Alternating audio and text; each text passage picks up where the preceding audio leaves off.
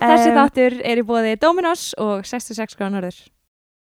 það er náttúrulega geggjað að vera popstjarnar stendur bara fremst á sviðinu og átt að gera það og bara wow, tekur allt plássið eins og í glerbúrinu Já. en allavega svo eignast ég barn og, og ég Kemst að hún er ólétt í á stúdaskróm dimmisjó.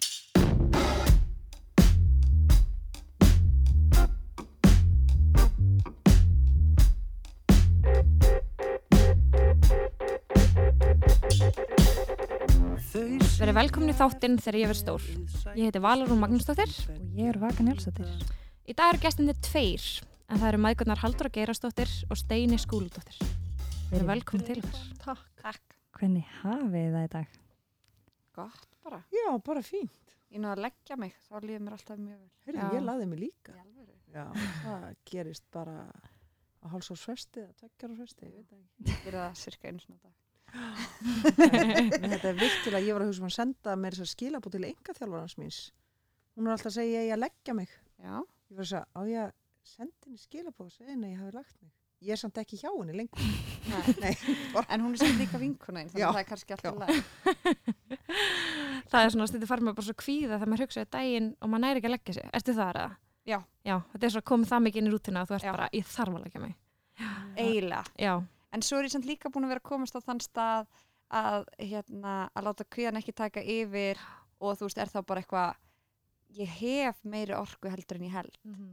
Þannig að ég er, ég, ég er meira að stefna á það að bara panika ekki einmitt þótt að ég sé þreytt. Mhm. Hvað eru þið að bralla svona þessa dagana? ég fór í sömafrí fyrir á dag. Uh, þannig að ég var að reyna að chilla um helgin og búa ekki til mikið af plönum. Mhm. Uh, þannig að ég er að fara inn í sumafrí fjölskylduna, fyrst tvær vikur á Íslandi og svo ætlum ég að fara tvær vikur til Pólans. Þannig að ég er sem sagt nýbúin að leika í bíómynd og verið í leikúsinu og Fá fólk á orðu og að já, með mitt og allskins. Ennilega til hamingi með það. Já, Hvernig var svo tilfinning? Já, hún var bara fín. Ég náði bara umfaðma það og verða glöðið í og brósuta eirum og velta ég svolítið fyrir mig hver skrifaði brefið af því að það, þú færi fólk árið þá er það eitthvað fólk sem mæli með þér. Uh, þetta er ekki einhver svona nefnd sem segir bara hmm, hverju dettur okkur í hug? Það er eitthvað fólk sem skrifa bref og mælist til þess að einhverjum sé veitt orða. Þannig ég var svona bara að spá í hverju geti, hver geti verið þessi huldu her sem að skrifa svona bref um mig að það er alveg öruglega ekki vini mínir. Ertu búin að vera að spyrjast fyrir um? Nei, ég bara veit það þá myndi engin vinu minn skrifa svona bref skilur Þetta er eitthvað fólk, öruglega bara bæ. sama, já, öruglega sama fólk og vildi að ég er í fórseti eða spurði mig hvort mér langar að vera fórseti Já, já. Já, einhverja aðdáðundur út í bæ Ég held þú eigi fleiri aðdándur en þú heldur, sko. Já, já, kannski En mér fannst þetta allavega bara, ég þáði þetta bara og hugsaði, og hugsaði bara, já, þetta lítur að þýða bara að ég er að gera eitthvað rétt Ég- Eitthvað. Fjöxtu þegar hann að fórseta umræðan, eða svona, þú náttúrulega fengið svolítið mikið fólki einmitt sem er að leita til þín og spyrja því, ætlar að bjóða þig fram. Ertu að fá bref heim til þín? Hvernig Nei, hafa það skilabóðum komið til þín með Já, það? það var svona, þetta er, þetta er náttúrulega litla Ísland. Það Já. bara skrifar þér einhver á Messenger, Facebook. bara á Facebook. Facebook, skilur og svo er einhverja aðrir sem að búa til Facebook grúpu. Þú veist bara, maður bara, hvað gengur þessu fólki til? Og hérna, en það var líka fólk sem ringdi og meinti þetta. Þannig að ég tók þetta bara mjög alvarlega, eins og allir Íslendingar geta gert, því að það mega allir verða fórsetar á Íslandi. Algjörlega. Og mér hefði fundist alveg fáránlegt að taka þetta ekki alvarlega. Algjörlega. að sérstaklega í svona einhverjum uh, kvennarhefingar pælingum með að eh, að vera alltaf að gera lítið úr því ég meina ef að einhver segir svona við mig þá hlýtur að vera því að manneskan sér eitthvað þó ég sjáu það ekki sjálf sko Mhm. þannig ég ákvað að líta þannig á það og svo bara langaði mig þetta ekki þannig að þetta eh, fór datt fram á borðinu bara svona Mhm. sem skemmtilegt hérna já svona eh, skemmtilegt rós Algjörlega. eins og En- tólk ára En þú Steini, hvað er, hvað er í gangi? Þínu lífi? Ég hef verið beðin um að vera Já, forseti hefur þú verið svoleiðis. ekki komið að því Það er ekki komið að því, það verður, það mun þrjá- þarf maður að gefa 36 Jú, 536. 506, já. Uh, ég er að gera bara svona minna, kannski, minni mikilvæg hluti þá. Nei. Ég er að, hérna, heyrðu, ég er að prófa að gera svona hlaðvarpstátt sjálf uh, og svo er ég að gera sjónvarstátt sem heitir, heitir heilabrót og er framhaldið af framapot ef þið vitið hvað það er, það kom út fyrir tveimur árum erum sem að fara að taka fyrir geðheilbriði og það kemur út á rúf núna í september. Sem við Siglu Sara. Þannig að það er svona það er að, eftirvinnslan af því er að klárast. Svo er ég búin að vera út í LA ekki að reyna að meika það. Uh, ekki að að þar, ég er bara búin að vera námskeima því ég er ekkert búin að fara í nám sjálf. Þannig að ég er einhvern veginn svona ég er að fá svona rosa þörf núna til þess að langar að menta mig meira. Og þú veist, ég var alveg svona sterkur námsmaður í mentaskóla svo einhvern veginn ætlaði að fara þú veist, í læknisfræði eða verkfræði eitthvað svoleiðis en svo bara einhvern veginn fór ég yfir að gera þú veist, fara að vinna í sjónvarpi og tónlist og improv og eitthvað svona. Og núna er ég búin að vera að fá svona þú veist, að það sá partur af mér er smá vanræktur þessi náms þú veist, ég, já, ég er bara svona námsþyrst þessa dagana, þannig að en ég er ekki alveg búin að finna nákvæmlega hvað mér langar að læra þannig að þanga til þá fór ég er að læra send improv og svona sk- sketsaskrif og Þarna út í LA. já, út í LA þannig að ég er að stefna á að fara aftur út til LA í haust. Búin að panta með miðan, svo veit maður aldrei að því að bara eitthvað ég veit ekki hvað, eða þú veist, það er einhverjar hugmyndir í loftinu með eitthvað annað sjónvarps og eitthvað bla. Og ég veit ekki. Þannig að þetta er alltaf, já, þetta er allt bara eitthvað svona í einhverju, ég er svona limbo ástandi. En þú sóttir ekkert um í háskólan. nei, mér, það var ekkert spennandi þar Það er náttúrulega fullt spennandi. Það er ekkert Nei, sem að vekur áhuga. Það er erfitt að vera svona, það er ekkert spennandi. Nei, en þú veist, það er náttúrulega hluti, nei, ekki Já. sem kveikir í, af því að þú veist, það þarf að vera eitthvað það sem ég fæ svona, ú, þú veist, og það eina sem ég er búin að finna hinga til, eða þú veist, þessa, þetta árið, það var þetta spuna, það sem ég fæ svona, ok, geðveikt, það sem ég langa bara að vera nördast í því allan, þú veist, allan daginn. Og hvaða námskeið fannst þið skemmtilegast? Sko það sem kom mér mest á óvart, það var uh, eitthvað svona námski sem hétt Storytel og ég vissi ekkert hvað það var og ég bara eitthvað svona, stó, já, segja sögur, það, ég er ekkert, ég þarf nú kannski að vera betri í því, eða eitthvað svona. Og algjörlega. svo mætti ég og það var ókslega vandrægt fyrsta daginn þegar að verður að spyrja af hverju eru þið hérna og ég bara, ég veit ekki, eða þú veist. Mm. En það kom í gefett óvart, af því að þá er það, þetta er sko gefett stórt í bandaríkunum og uh, það er til dæmis eitt podcast eða hlaðvarpstáttur sem heitir The Moth, Mm. eða þið Mhm. þekkið þið það, nei.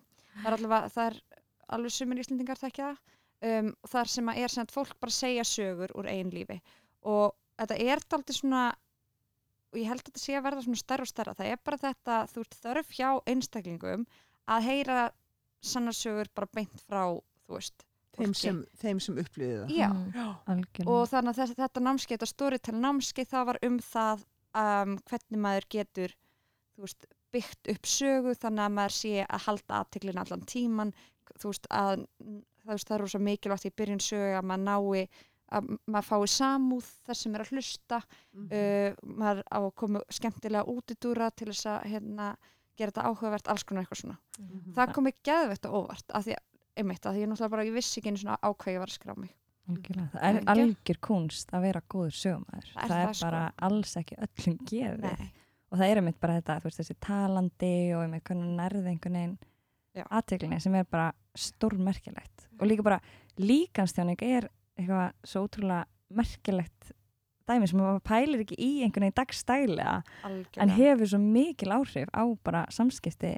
Já, og ná að fólks. stækka litla hluti, eitthvað sem er svona mm, skrítið, að ná að gera það bara að einhverju bara stóru Mhm, Algjörlega. þannig að það verður svona, svona hræðilega fyndið. Algjörlega. Þurftur að gera þína eigin, segja þína eigin sögu. Já, ég sagði sögu á útskriftasýninguna, þá sagði ég sögu frá því þegar uh, ég var sjö ára held ég, að sex ára. Og hérna að mamma og stjúpappa minn þá þau fóru eitthvað út að skemmta sér. Og hérna frænka mín var að passa mig og það kom sem sagt uh, drukkin maður inn í íbúðuna og upp í herbyggi til mín fór upp í rúm til mín og undir sengina. Og þá var náttúrulega allir bara að þú veist hlusta og núna örgla þeir sem eru líka hlusta bara hvað minn góður, er þetta sagan um það þegar Já. hún lendi sko útgöðun en hann drapst. Og við hringdum ég, og sko viðbröðin líka okkar þú veist, ég er nær sjö ára, ég byggum í miðbæra Reykjavík bara einn á Lindagötu og viðbröðin mín voru bara eitthvað æ, hann er svo fullir eða þú veist, það var ekki eitthvað hræðslu tilfinning eða eitthvað, það var miklu meira bara eitthvað, ah, æ, æ, æ. Al við hringdum sköldur áttu gemsa á þessum tíma þannig við hringdum í ykkur, þau komu. Mamma, þú fórst, ég held að þú hafi verið í mesta sjokkin yfir þessu. Þegar þú varst bara hristan og öskra og slá hann fram að bara reyna að vekja hann úr dáinu. Hann vaknaði ekki. Og þurfti að ringja lögguna. Og hún kom og dróða niður hann Tröppur. út þá var loksins eitthvað svona aðeins vankaði samt alveg bara alveg alveg út úr því. Fórum með hann og leta hann sofa úr sér á lögustöðinni og hérna og svo var það, ringdi löggan daginn eftir í þig. Já. og þá hafði hann sett vaknað og hérna og þeir hefðu sagt honum hvað hefði gerst og hann var alveg miður sín náttúrulega, pælið í því. Hann að- vakna á lögustöð og bara heyrðu já, við sóttum þið, þú varst upp í rúmi hjá sjöra stelpu. Góð. Skelvilega. hann var að koma, úr- við byggum sem sagt að Lindagutu, hann var að koma úr þjóðlíkurskjallaranum og hann var ofur það var ofur ölvi. Og einhvers veginn þekktu, það var það bara eitthvað hús sem hann aldrei, aldrei séðan að mann, hvorki fyrir nýja síðar. Hann var grunnskólakennari. Og hann var miður sín. hann svo var, ógislega óvendu hann var náttúrulega bara í algjöru tauga áfalli, maðurinn líka. Já, ég held það. Já, Manstu hvernig allir, einmitt, allir hann hafi ekki verið í mesta tauga áfallinu svo þú, já, ég var einhvers skal- Já, ég ætla að spyrja, hvernig tókst var það? hinn vinn bara. Ég held ekki að ég hafi bara svona skinnjað bara eitthvað þegar hann kom ég var bara eitthvað, Já. þetta er ekki hættulegu maður. Hann sá, þú veist, hann var Já. ekkert að horfa hann sá okkur, mig ekki, skilur nei. Og ég átti stórt rúm, alveg svona tvíbreytt eitthvað svona frá ömmu skjaldar eða eitthvað. Þannig að þetta var ekki eins og, þú veist, þetta væri lítið eitthvað, alveg, þú veist, hann sá mig þetta var bara svona en já, það er alveg ótrúlegt hvað hann náða að rata bak við hús, upp Já. tröppur upp á, tröppur upp á aðra hæð hæð, og svo upp upp á þriðju hæð. Já. og þar var rúmið þitt Ætla hann hafa líka verið að reyna að opna allar, þú veist, hurðar á, Ég á göttinu. Hvernig var það bara hann hafi fyrsta? farið í bakarinn til að pissa já, það var mikið farið í bakarinn hjá okkur til að pissa já, og við náttúrulega vorum aldrei með lært já, einmitt og það var það sem ég sagði svo ég kom aftur að hérna námskeiðinu. Og það var svona punkturinn minn sem að, að eftir þetta þá byrjuðum við að læsa. Af því að það er svo ógeðslega nýtt fyrir þeim þetta attitúð að læsa ekki heima Já, já, út í LA LA, fólk þetta. eða Ameríku, Þau þeir finnst bara, what? Já. Læsið ekki? Já. þeim myndur að kæra mannin og fara í eitthvað svaka ég var alltaf með svona, læst ekki bílnum mínu? Og því að það bara, æ, nei þá bara brjótaði rúðuna ætla að sækja eitthvað í bílinn þannig að betra að hafa hann bara opinn. Það var svo töskuninu stólið já, og svo var töskunum minni stólið hvað var aftur í henni? bara handritið þitt. Það ég var, man allavega að það var mjög, þegar mjög pyrrandi já, það var handrit sem ég var að byrja að vinna í og, og fullt af geisladiskun sem ég var nýbúin að kaupa því ég var að nota þessa geisladiska í eitthvað trúðaverkefni já. já, það verið það. Það var geisladiskanir já, það var verið geisladiskan ég man að það var mjög mikil bömmur. Já, og þá byrjar að lesa bíl þá byrjaði ég að læsa bíl Þannig að þið læsið öllu núna. nei svo gerist allskins Þetta var svona eins og þegar amma mín læst alltaf hurðinni heima á sér en setti samt líkilin sko á nagla við hliðina. Já. Bara svona ef Já. sást. Ef ykkur það er langar að inn, verra heldur en það að læsa ekki einmitt. Svona mikið engan sens. En að máli málana, já, Já, þegar maður þáttar eins. sem að þáttar eins, já, um, sem að eru með þetta, þessi eilíða spurning sem þú ert að velta fyrir þessa dagana, Hvað- Veist, Einmitt, ótrúlega fyndið, ég tók eftir því sem hétt framabót, Frambót. ótrúlega skemmtileg pæling. Að þetta er einhvern veginn þessi eilíða pæling Já. og alltaf verið að spyrja mann. basically það sem við fundum út úr með því að gera þættina með þess að þeir sem eru, þú veist, bankastjórar þeir sem eru, þú veist, með doktorsgráður bara, þeir eru samt, það eru allir ennþá ekki búin að finna út úr í hvað þeir ætla svo sem að verða eða þú veist, þeir, Mm. það er enginn komin að loka stað ég held að það sé bara líka bara hluta að vera manneska þú ert alltaf að halda áfram að vilt alltaf stækka. Við, já. Mér fannst alltaf líka bara svona eins og þegar maður var yngri það var einhvern veginn alltaf, að- mér fannst þessi spurning alltaf vera viðlóðandi við Já. bara þegar maður var í leikskóla, það var alltaf bara hvað viltu vera þegar þú eru stór, hvað viltu vera þegar þú eru stór? Svo bara þau klarar grunnskóla, í Já. hvað mentaskóla fyrir og hvað ætlar að læra? Og svo þau klarar mentaskóla og þú veist, þetta er bara endalaust. en muni eftir ykkar fyrsta svari já, ég eftir mínu, það var flugfrið og akkur ég veit það? ekki, jú, allir það hafi ekki verið þegar við, við fórum hérna, við fórum til Ítalíu ég á sko ennþá svona ógeðslega sterka minningu. Hvað hef ég verið gömul? Þú varst þryggjára og fjara ára þegar við fórum til Ítalíu. Já, ég á svona minningu að ég seti í flugvílinni og ég var að skoða bækling og ég sá og ég einhvern veginn áttaði mig á því að ég væri í flugvél að fljúa yfir heiminn og það væri bara hægt og þá fekk ég bara eitthvað svona Já. mér fannst það geggja ég hef líka mjög gaman, ég hef ennþá mjög gaman að ég ferðast sko þannig að hérna, Það var líka mjög gaman að ferðast með þér og sérstaklega eins og á Ítalíu þannig þegar þú varst tryggja fjara að vera með þér í lestum. Þannig það er svona, já það að bara ferðast í lestum er alveg ótrúlega gaman. Það er geggjað. Þannig það var fyrsta já, ég ætlaði að vera flugfræða ég held að hafi við tengst þessu bara að mér fannst eitthvað svo geggja við það að geta farið bara En svo getur ekki orðið flugfreyja því að Já. það fjall saman í lunga og það er einu Já. starfi sem mátt ekki vinna. ég má ekki vinna sem alvöru? flugfræði já, það fjöld saman í mig lunga því ég bjóti í París og hérna og það var eitthvað svona, já þú veist, já, nei, þú myndi ekki finna neitt fyrir þessu en það er bara, þú mátt ekki hérna uh, kafa ég má ekki, ég vinna sem flugfræða sem flugmaður og ég má ekki spila trompet. Mm. En allt annar Var það bara- blástus hljóðfæri eða? Já, ég held ekki. Sögðu bara trompet. Þú Ég er myndi bara að Ég er mikið búin að vera að stelast í túpu og Þannig En- að brotna æsku draumurinn bara, já, ég var reyndar það langt sen ég hafði skipt um Já. en ég held samt að ég hefði potið farið yfir já, þú veist þetta var svona smá, æ, það fínt stundum, þú veist, þegar mómenti kemur þá er maður eitthvað, æ, helviti, svo eftir á sér maður eitthvað, nei, það gefið fínt að ég hafi ekki, basically, ekki mátt vera flugfræða að ég bara þurfti að fara að gera aðra hluti Já, Sem ég er meina, meira- Þú væri alveg pottið flugfreyja, Já. hefur mátt vera flugfreyja. ég held það nefnilega Ég held það líka. Allt þetta vá og æslandir og Já. ég meina það eru svo marga vinkunir Já. flugfreyjur. algjörlega en hvað var það fyrsta sem þú vildi vera?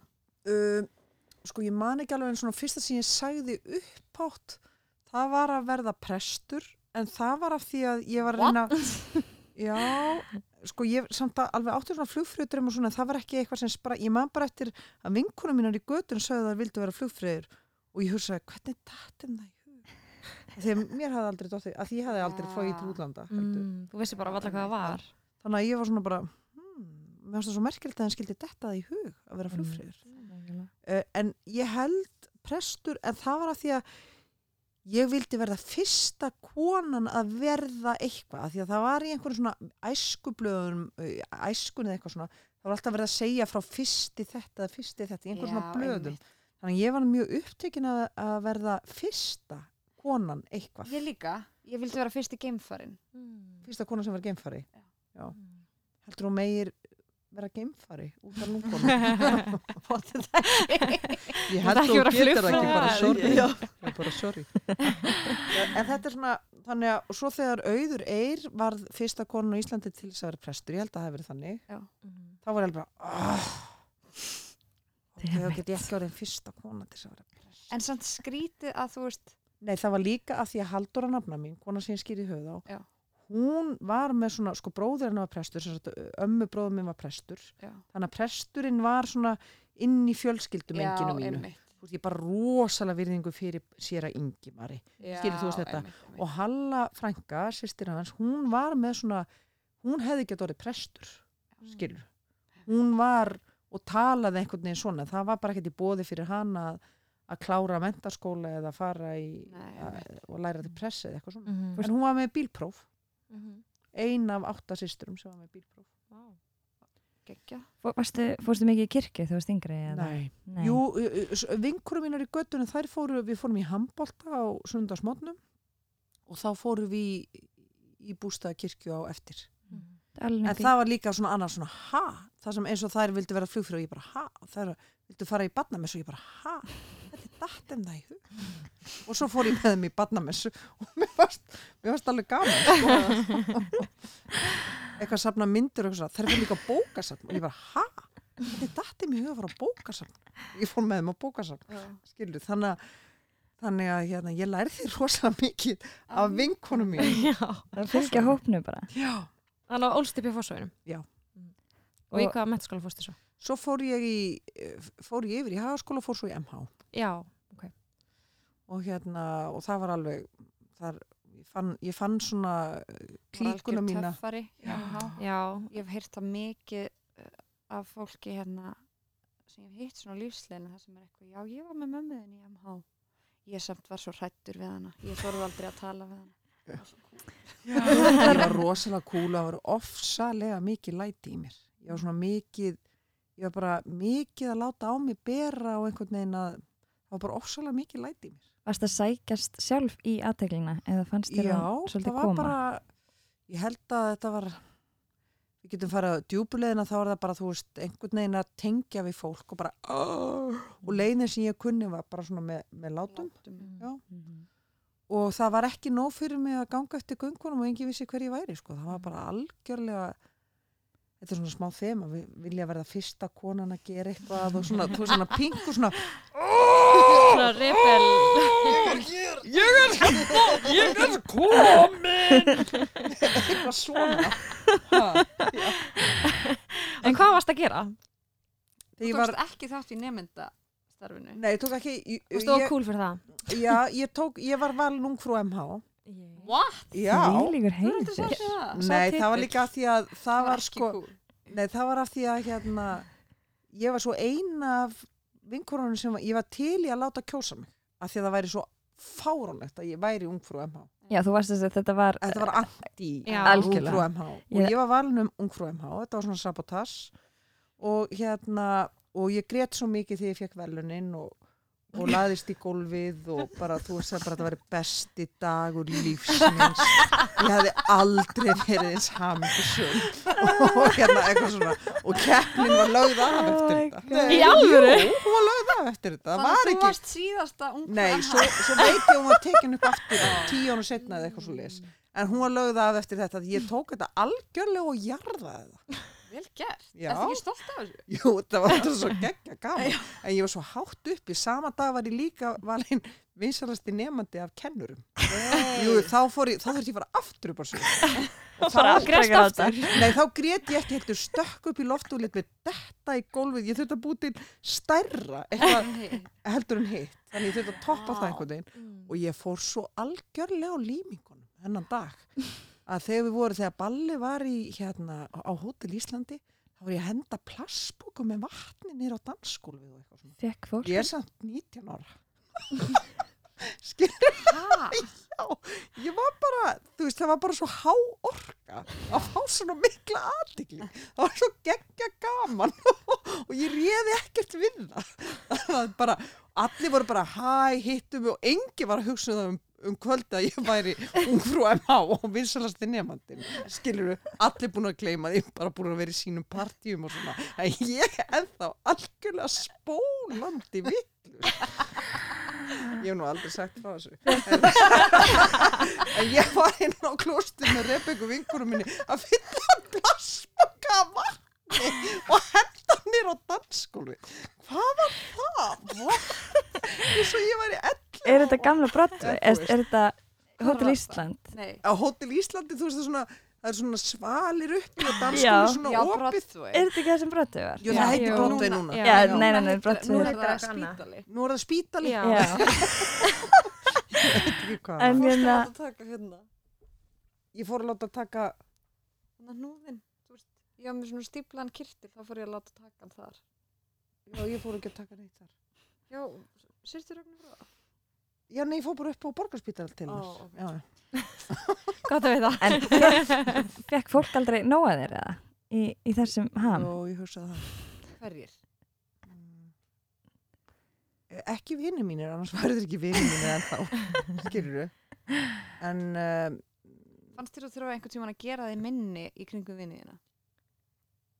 Þú veist, þú veist, þér samviskupið, gafkvært þeim. Bara, ah, nú er ég búin að vera of stór. Já, en veist hvað ég gerði? Sko, ef ég drakk, þá yfirleitt stakkið á af Já. og fór, þú veist að því að þá kom þessi trillingsorka oft Mhm. og þá vorum við kannski einhverstað að djamma þá stakk ég bara af, fór á aðra staði Bara einn. Mhm. og, og var bara með eitthvað ég átti eina vinkuna, það var rosalega gaman upp á Broadway, það voru svona glerbúr hjá farið, og það voru svona dansarar inn í glerbúrunum að dansa gegja sexy. Svo þurftu þær alltaf að vera í básu þá gætt maður farið í búrið. Þannig að þá fóðum við í búrið ég og Ástís Pauls. Og við fórum edru á bíl upp í, upp í Broadway vorum með attitút, yfirleitt fengum við ókipið að því að kvarla ekki á okkur að borga inn. Segðustu, við erum hérna du, du, du, vorum í einhverjum skrítnum fötum og svo fórum við inn í búrið Og hvernig voru það að dansa? er svo fávita bara gegja bara, bara Ekkert sexy performance jú, rosa sexy bara og mikið sexy Og fatta enginn að þetta væri bara, þú veist, til, ég held, skilur, ég held að fólki hljóta að hafa fundið þetta skemmtilegt, að, að, skemmtilegt því að okkur var aldrei hend út sko. við vorum aldrei dregnar út úr búrinu En voru það að gera þetta alveg oft? já, Hversu oft? hversu oft ég myndi þetta. segja, ok, oft ef að segja sexinum að við höfum farið sexinum okkar ég man það Hversu ekki stórt var þetta þetta var búr? heill vetur það sem að þú veist það sem að mér fannst En þetta er betra að vera á oftar bíl en heldur en að tvisvar. drekka já, já, Já, já þá oftar er en það alveg tvisvar. oft, það Já, er oftar en já, tvisvar, já. sko, það er mælikurinn. En þetta er svona náttúrulega svona rosaleg þörf fyrir að sjá Mér langar að vita hvernig þú myndir púlega á samfélagsmiðlum í dag, sko. Eða þú veist, Ég ef þú bara hefði viti það. opnað samfélagsmiðlum. ég bara, ég verið á. Snapchat einu sinni í sólarhing og ég er náttúrulega hætti bara af því að ég var bara brjáluð ég gæti ekki hætt að búa til sko en ég var bara, sendi bara á eina vinkuna mína Greið. Á Snapchat, ég er á Snapchat og lita svona alls á þetta líka er þetta svo fyndið sko en uh, þetta er náttúrulega bara uh, þetta er náttúrulega rosalega svona mikið tjáningarform að vera á Snapchat sko. Algjörlega.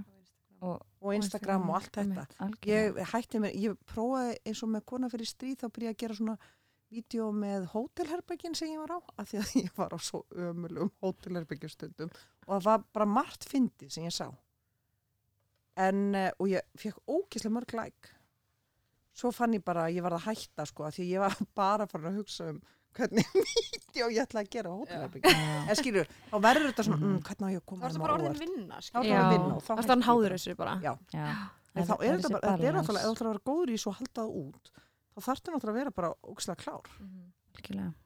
Og mitt, einmitt finna á, ástana fyrir því af hverju þú ert að setja þetta út, skilur Það sé líka svona. En hugsið ykkur svona típa eins og ég, þegar enginn er búin að fatta, þú veist eins og með nektamyndirnar og þú veist það er bara svo margt búið að gerast á í Mhm. netheimum sem var Mhm. ekki þegar ég var ung Mhm. og ég er bara guð minn góður hvað ég þakka fyrir að ekkert af þessu var í gangi þegar ég var unglingur.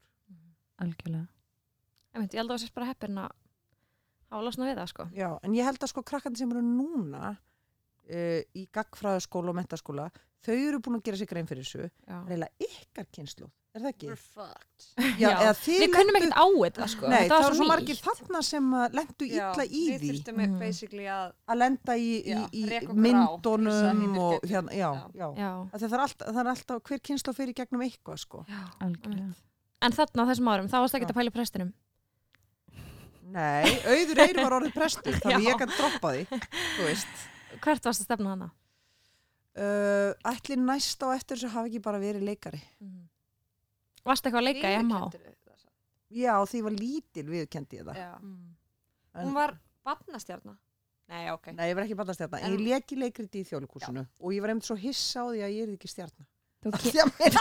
svo og ég var bara að segja krökkum frá því ég var 11 ára, ég er að leika í þjólikúsinu og þeim fannst það bara ekkert merkilegt og ég bara, ó og mér fannst það svo merkilegt að, þú veist, þeir sem- Þetta hinir sem að ég hefði séð að hefði verið að leika í barnaleikundum, mér fannst þau svo merkileg en svo fannst bara vinkona mínum, mér- þeim fannst þetta ekkert merkilegt og ég var bara með þeim í handbólta og það skipti engum máli Kannski að þetta þær sáttist ekki í þetta heldur, eða þannig. Já. en þú Ekki kemur af leikara fjölskyldu, eða Já, mamma er leikona, já. emmitt, þannig að þetta var svona svolítið lág fyrir þér. Já, hún fór í leiklisskóla þegar ég var 6 ára og hún útskrifast þegar ég var 10 ára.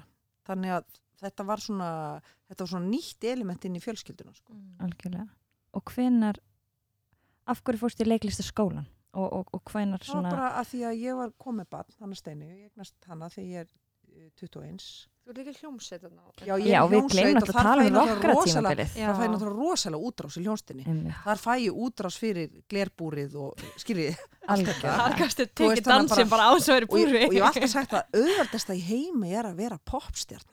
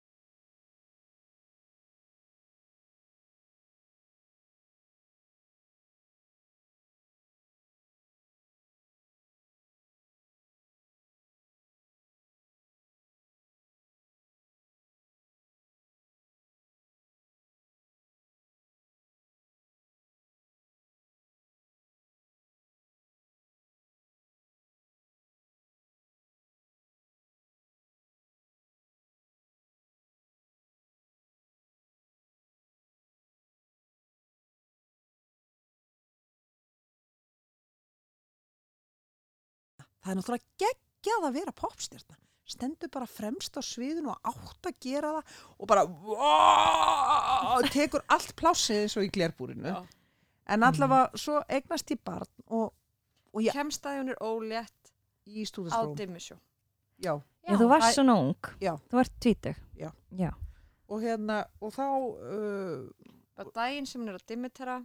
já, bara, þú ert bara búin í morgunpartíinu og já daginn bara- áður en ég dimmitir að þá veit ég að ég er ólétt já, Mætir ætlar að fara ætla að fara að djamma með þeim en fæ mér svona sopa einhver vín og svo bara oh, nei það er bann í manum á mér ég get ekki drukkið þetta vín Og hvernig voru, hvernig brástu við? Hvernig voru viðbröðin? Bara svona fyrst að vera ung og einhvern veginn. mér finnst ég algjör lúser að verða ólétt í stúdinspróf mér finnst þetta að því ég hafði, var fulla fordómum gagvart sko ungum mæðrum finnst það bara er að spá, ætlar hún ekki til amstætt að maður nota eitulif skilur, ég var Já, bara er bara ég var bara svona, en, og ekki eins og ég væri eitthvað að nota mikið eitulif, en ég Nei. var bara, Bara skilur, ég var bara með svona, þú veist, ég var bara með svo mikið trilling í mér, að þetta var ekki það sem ég var að leiðin að fara að gera. Mhm. en svo leið og ég verð ólétt og fatta að að ég get alveg eignast spatt þá kom bara svona svo akkir á mig bara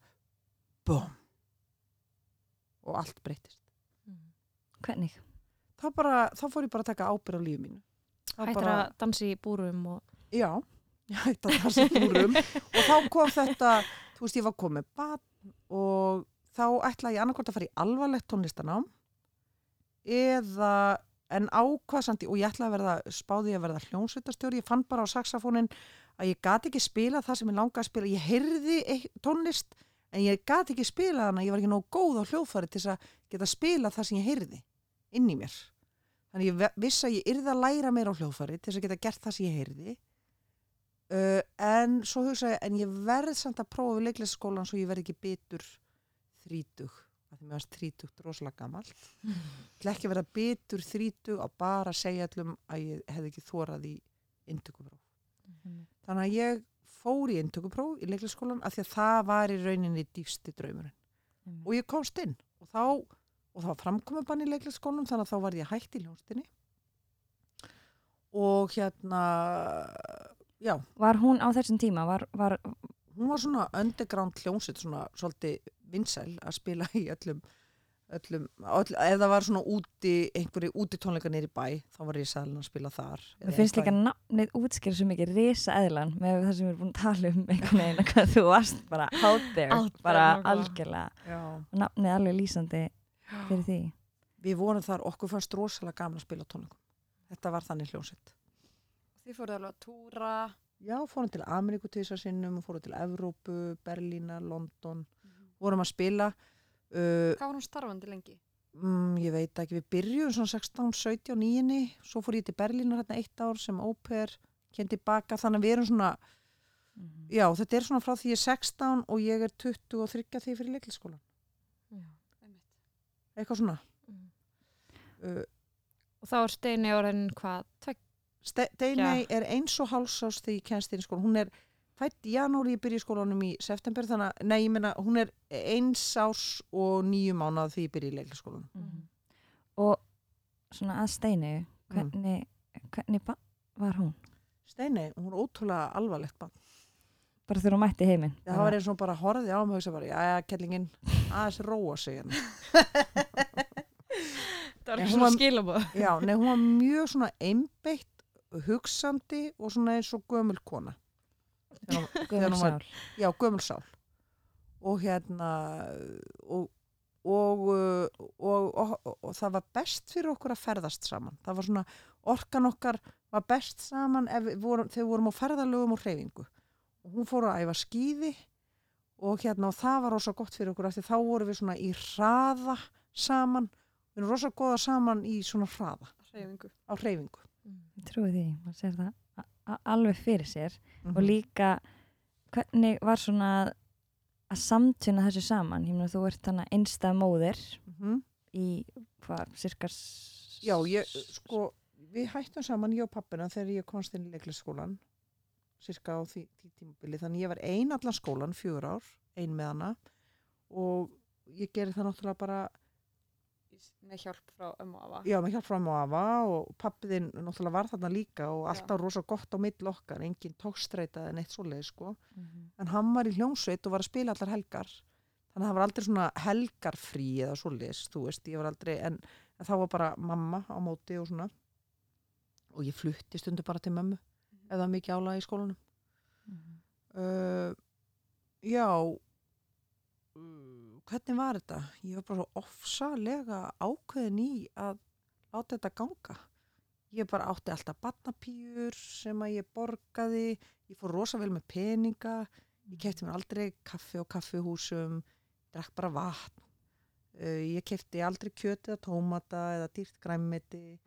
Uh, ég kefti bara svona massaður ég algjörlega massa þetta, kefti ódýran fisk af frænda mínum sem var uh, á fristi tóra og þannig fekk steini prótein. Og ég var bara svona ógeðslega og ég á mjög auðvelt með að vera öguð. Mhm. Svolítið svona st- street smart varandi. Já, svolítið já, já, Bara svona að vinna þetta svolítið já hörkunni og líka. svo ef að vinkonum mín var að fara út að borða þá bara, að ég fæ ekki pörsa þá kom ég bara í desertin af því að Já. þá þurfti ég ekki að borga fyrir mat og desert og vín með matnum Svo líka bara svo skemmt að koma í desertin. Já, skemmtilegt að koma í desertin en líka að þær voru ekki konum með börnins fljótt og ég og þær lási ekki alveg það að ég ég hafði, ég átti minna og ég varð að láta það ganga Algjörlega. uh, þannig að það sem mér fannst vest var ef ég misti tökin á fjármálunum. Þarna var ég svona svona pingu, pingu geðvik sem sagt ég var svona með ofstjórnun á fjármálunum. Þarna var ekki hægt að slá mig út af læginu sko. þannig að að fara út að borða með einhvernum og svo væri átt að skipta reikningnum. Þetta gæti algjörlega fríka mig út sko. ég, ég aktaði það ekki út en þá leið mér svona, þá fór ég svona algjör að því ég var búin að velja mér það ódýrasta matselinum og drakk ekki og eh, skilur þú veist, að ég var að reyna að finna svona ódýru leiðina í gegn. En svo voru einhverja aðri sem bara hm, voru að njóta og lifa og þetta kemur til mín öðruvís og eitthvað svona. Þannig að það tók mig mörg ára að sleppa hendina þessu að það má líka njóta og lifa og það kemur. En maður tristir, það flæðir einhvern veginn óvænt oft til manns og svona. Þannig að þetta tók mér langan tíma að trista þessu en það var kannski meðal annars að ég var ég var búin að mastera þetta svo rosalega. Mhm. En ég var mjög einbytt í því svo að fara á Þú varst líka alveg búin að master þetta þannig að þú áttir samt fyrir að fara mitt í sumarfrí. já, ég notaði aldrei barnabætunar ég geymdi þær til þess að geta farið með því til Ítalíu þá passa ég fyrir vinkurum mína á Ítalíu í átta vikur dóttur hennar var í fríufæðu húsnaði í tvo mánuði á Ítalíu tvö sumur og þannig gæti ég komist frá Íslandi í gott sumafrí þú veist, Þetta er algjör tax. Já. Já ég var ég, en þetta, já, þetta átti ég mjög auðvelt með. Þegar En var, þetta er líka það um eitt að þú þannig að þessi eh, ferð ung og ert ein með ungt barn. Að einhvern veginn, þú ert með annað líf í huga heldur en einmitt kannski bara þig sjálfa. Þú ert með einhverja allt, Allt- allt stærri allt breyttist. heldur en já, aðrir allt í kringum þig. breyttist við að verða ólétt. Algjörlega. þá kom bara bóm og ég var miklu ákveðnar en það var aldrei spurning um að ég ætla ekki að menta mig eða ég ætla ekki að ganga leiðina. Þú veist það var, og, og, ég, og það er líka gafir heiman frá mér að, að þú veist ég var aldrei að spá í hvað ég myndi fá í laun sem leikari eða fá í laun sem tónlistamæður ef ég hefði orðið tónlistamæður ég var, bara, ég var ekki að spá í það. Ég var samt survivor, ég vissi samt alltaf að ég gæti unn, fundi peninga einhvers þar, þú veist bara að það fær maður sér svona vinnu og er svo líka tónlistamæður eða svona vinnu og er svo líka leikari Mhm. Steini, ertu sammála hvernig mamma lýsir þér sem bad? Að ég hafi verið gömul kona. Já, gömul sál. Hvernig Sko, myndir þú lýsa jú. þér sem bad? Ég held líka sko að einmitt uh, að því að það er náttúrulega það er mjög há orka í henni móðum minni að líka sérstaklega þú veist svo þegar ég vex úr grasi skilur þá er ég, ég er aldrei tveir ó, þú veist ólík ég ádald, þú veist ég á bæði í mér. Já, get verið ógeðslega hress og crazy og dansaði, ég hef alveg dansað í glerbúrum skilur það er gott að heyra.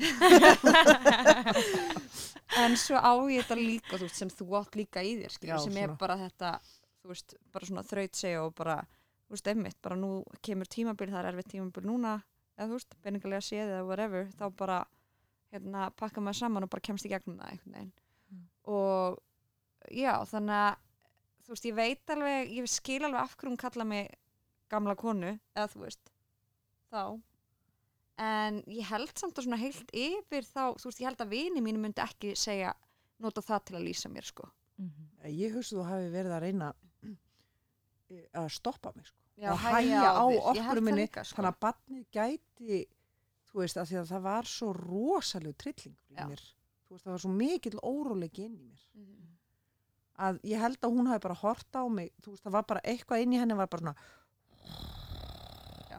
getum við aðeins í jartengt Þú vildi Skiptum kjarna gýr. já, já, kjarnana. viltu, viltu kjarna þig kæra móðir? Við ég þurfti ekki að segja, byggja hann um að kjarna sig. Hún var að reyna að kjarna mig og það er náttúrulega rosa mikil ábyrð sett á lítið barnarinn að kjarna fóreldri sitt. Þú veist, það er ekki alveg í lægi sko. En ég er búin að byggja hann afsökunar. Og þér tókst vel. Mannst einhvern tímann eftir að þegar mamma einn hafi verið mjög upptekinn og, og þú hafi þurft að einhvern veginn svona Já. þurft að, já, mjög mikið sko. og það er sko þú veist, ég man kannski ekki mikið uh, já, þegar hún útskrifast já, það er eiginlega þegar hún útskrifast á leiklistaskólanum þá er ég eitthvað svona fjögur að fimm já, fimm ára, þú veist, fyrir það ég man ekkert mikið einhvern veginn hvernig þú veist, en ég á bara rosa svona dýrmætt samband við ömmu og, og átti við afa líka af því að þú veist, ég var bara svo mikið hjá þeim. Um, og svo hérna, einmitt, svo eftir það þegar þú klárar ferð að vinna í borgarleikusinu mm -hmm. að uh, og þá, þú veist, er einmitt ég byrja í grunnskóla, skiluru Mhm. þá held ég að það byrja svona smá að hún fari svona aðeins að róast, ég fór líka róast í og sambúð með- já, ég fór líka í sambúð Já. í þrjú ár. Já, Mhm. einmitt.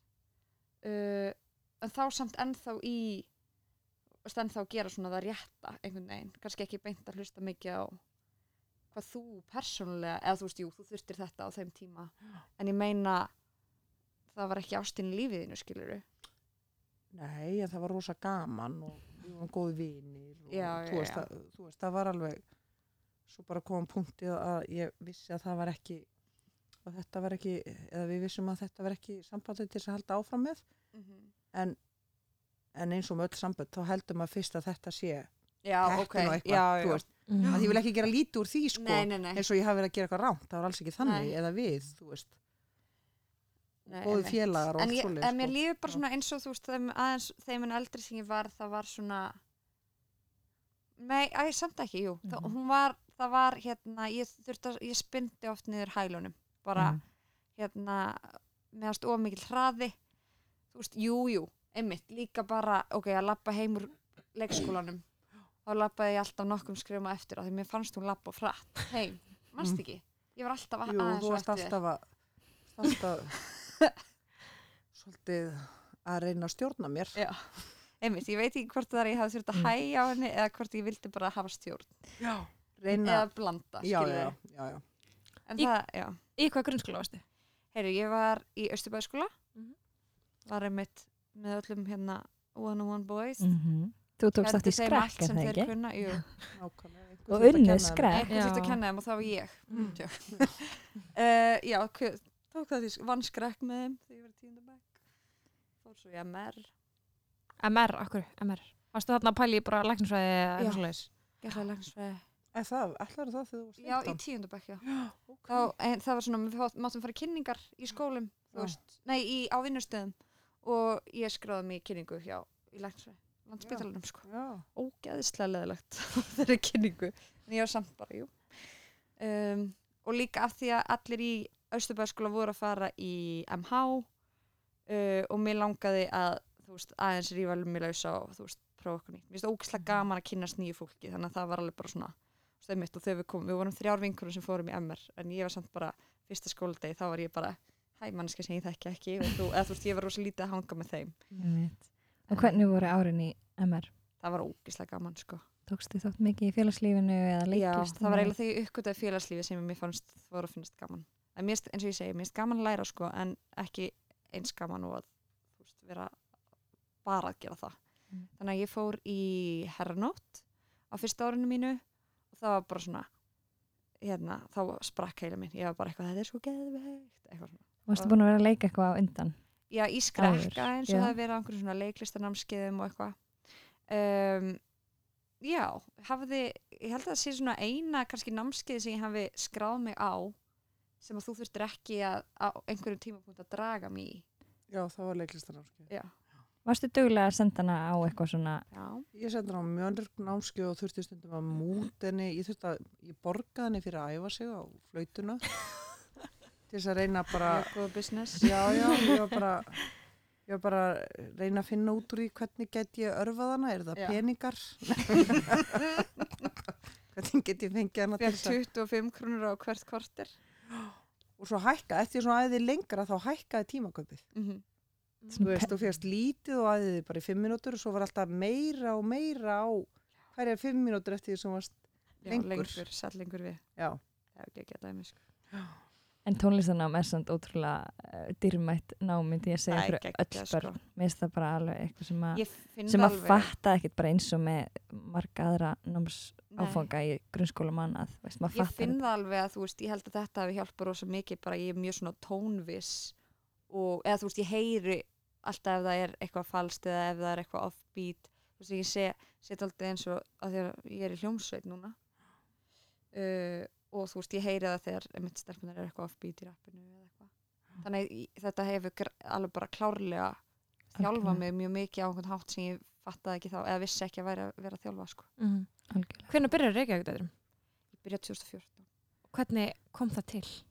uh, ég hafði verið uh, hérna ég hafði verið að læra fyrir læknisfræðindökupróf og var í efnaverkfræði í háskólanum og svo tekið við edduvelunum fyrir höndmóðum minnar. Einmitt. þegar hún var í útlandum og það gekk svo vel.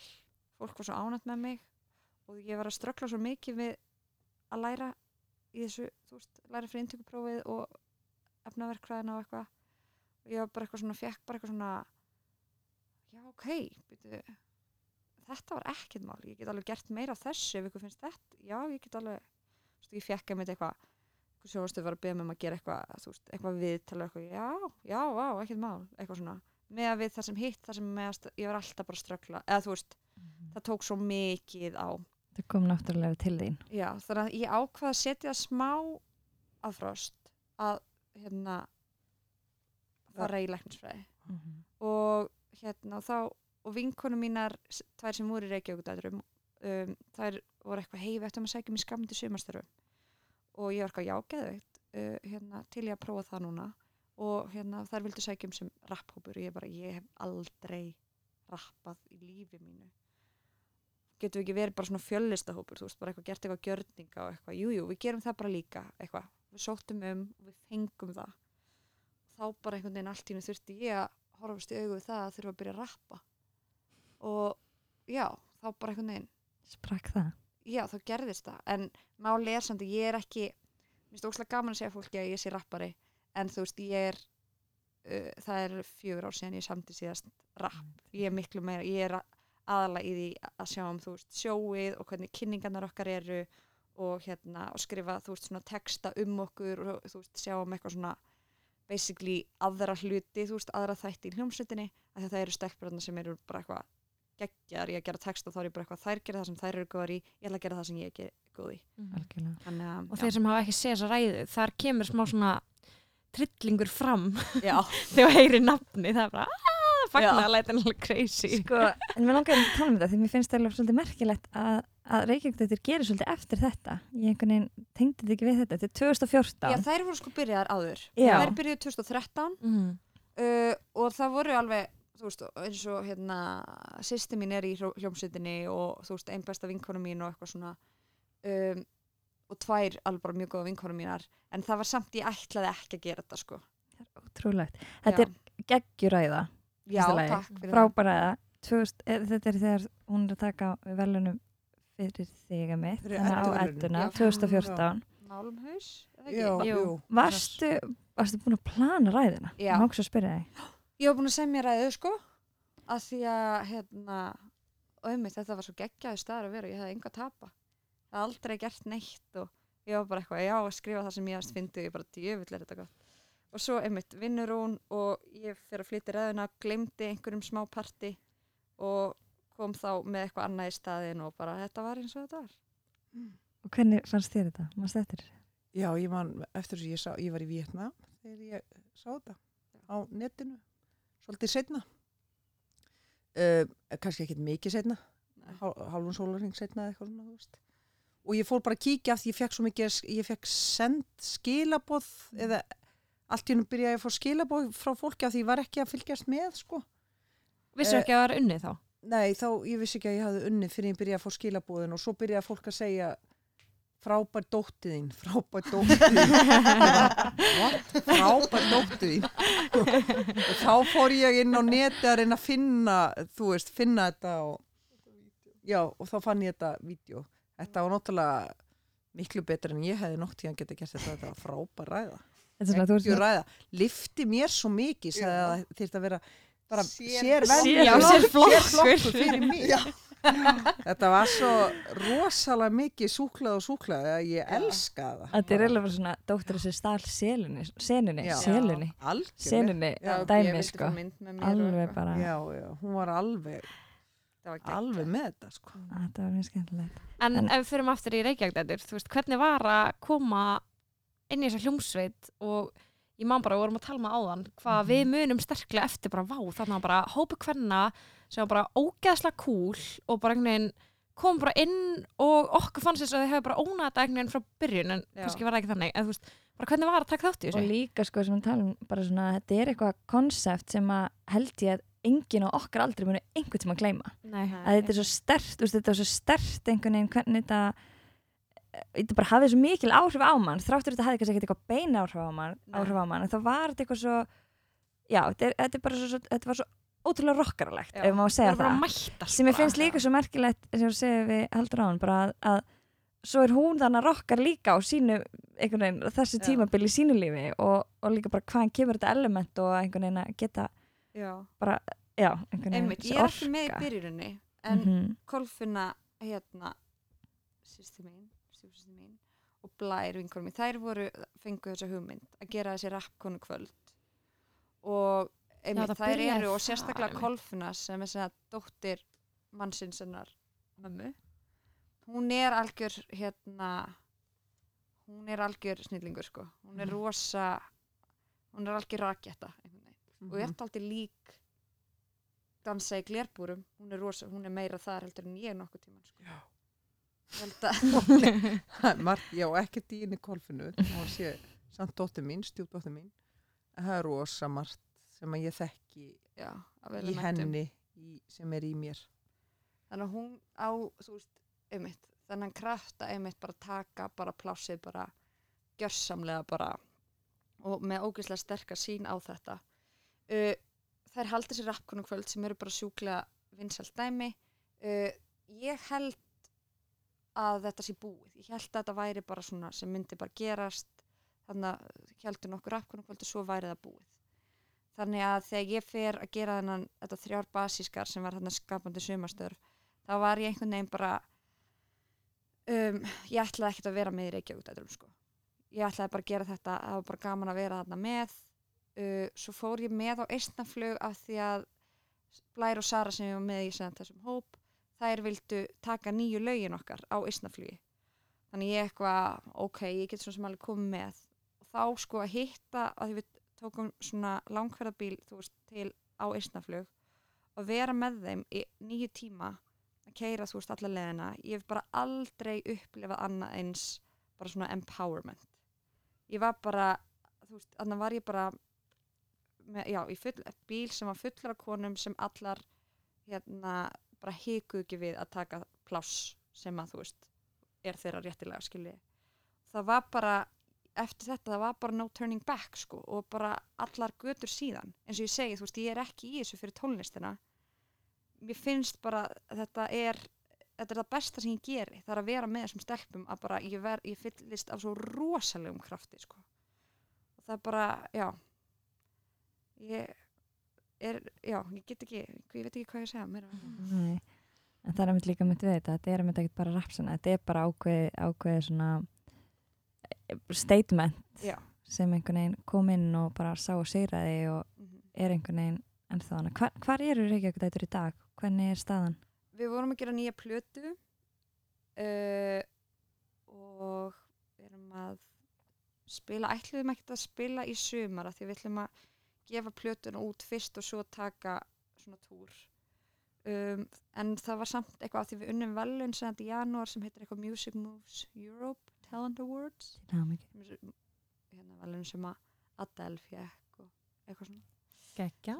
cool. Mm uh, þá vorum við bókar þannig að við erum á nokkrum festivalum núna í sumar. En svo á næsta sumar þá ætlu, held ég að við verðum bara í Evrópu bara, að spila. já. Það eru mjög frægar í útlöndum. Ég Já, að maður hefur séð það. Þeir eru alltaf bara einhverstað að túra í heiminum Já. og eitthvað. og geggja stuð og rosa orka og Já. bara Já. og þetta er ekki alveg í ykkar höndum þetta bara Nei. stækkar og stækkar þetta bara gerist og Já. maður reynir að setjast niður og eitthvað, ok, býtu hvernig eigum við hvað ættum við að gera næst hvernig, hvað var næsta skref uh, en svo kom alltaf bara einhverjir einhver svona hérna, tilbúð sem maður eitthvað, já, einmitt, þetta meikar sens eins og við gerum sýningu í borgarleikusinu þú veist, eitthvað sem okkur hefði ekki dottið í hug en, hérna, en bara þegar við gerðum það bara, já, auðvitað Mhm. við getum gert þetta og, það var frábær síning Já, mögnum sýning. Já, hún var bara, hún var Já. æðisleg sko. Mhm, algjörlega stöngin inn sko. mhm. En og, finnst þér þær, og svo verða þær alltaf bara sterkar og sterkar í tónlistamenn líka því að, hérna, að því að fyrst þá vissum maður ekki hvort að hvort að þið tækjuð alvarlega að vera rapparar eða Já. eitthvað svona, ég vissi það ekki sko. Einmitt, en, og það er einmitt svo gott að sko hínar stelpunar, eða Já. þú veist eins og Salka Vals og Ragga og Blær og Steinun Já.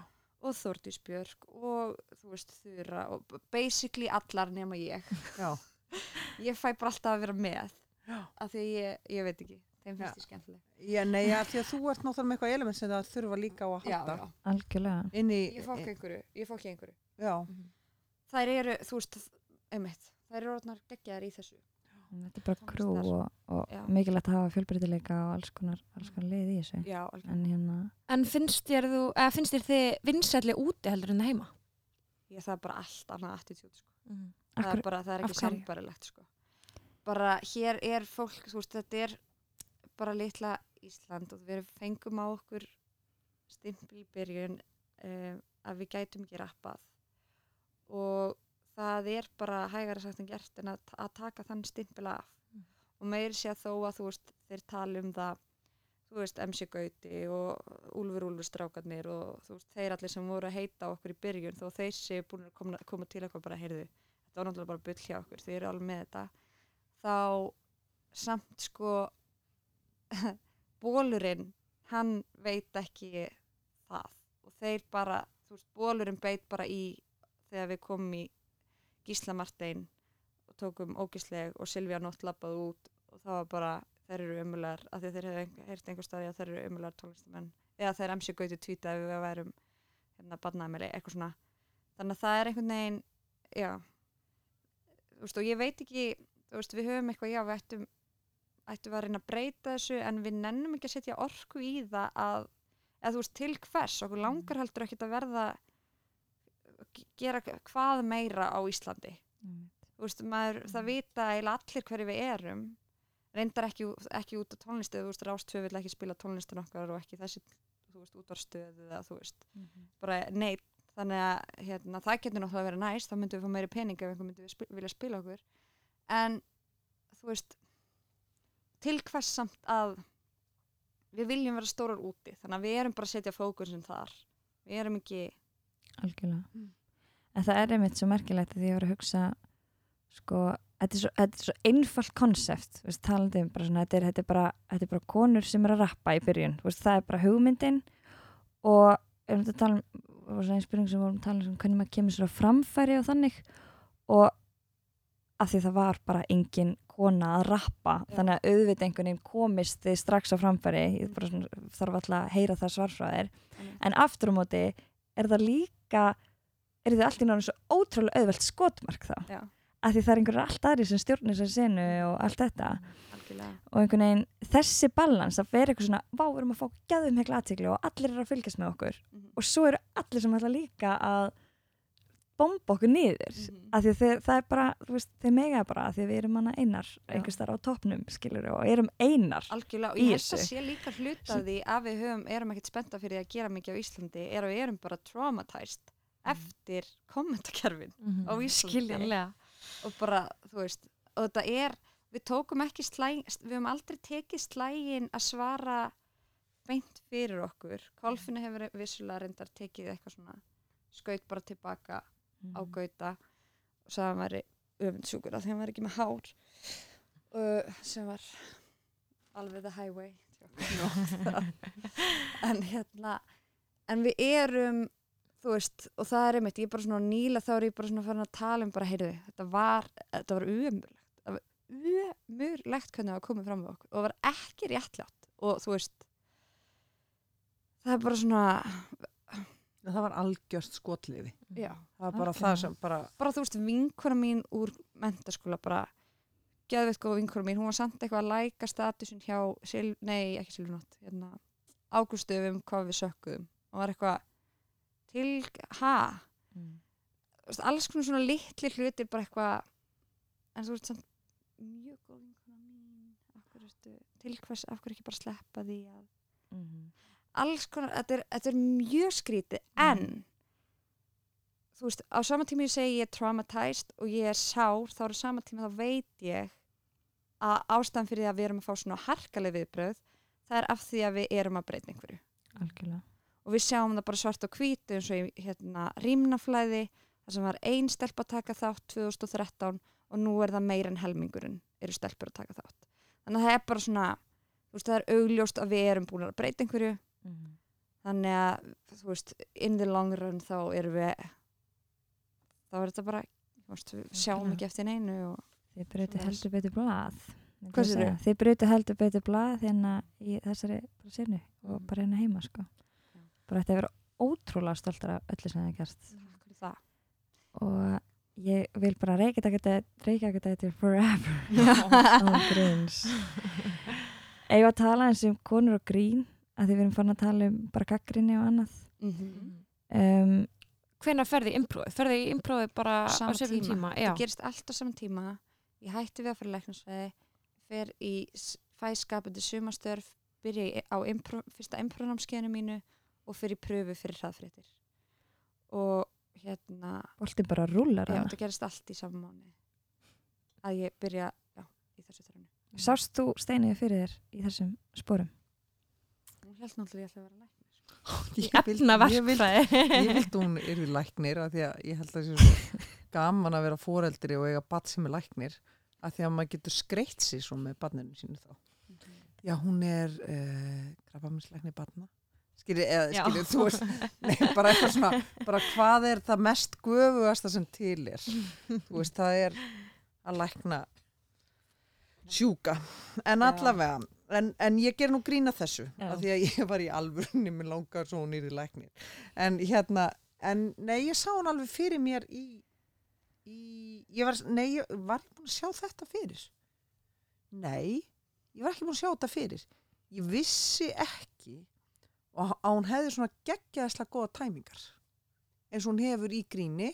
Og svo í hraðfréttum sá ég viðtölinn sem hún tók og hún hafi rosalega hæfileika til að hérna vera að skrefi á undan eða fara inn í, eins og ég segi, fara inn í herbergi sem enginn hafi séð fyrir að væri hægt að fara inn í Mhm. þegar þú ert að taka viðtal. Þetta er ofsalega góður eh, eiginleiki þegar þú ert að taka viðtal og rosalega góður eiginleiki þegar þú ert að gera grín eða búið til grín að vera á undan áhörundunum eða fara eitthvað sem áhörundin sá ekki fyrir. grín er náttúrulega basically að koma fólki óvart Já, Mér að er það að fólki heimi sko. Já. Það er bara já, Nei, ég myndi segja að það hefði afhjúpast í, í þessu uh, hérna þetta, þetta eða þú veist en þetta opnast rosalega hratt Já.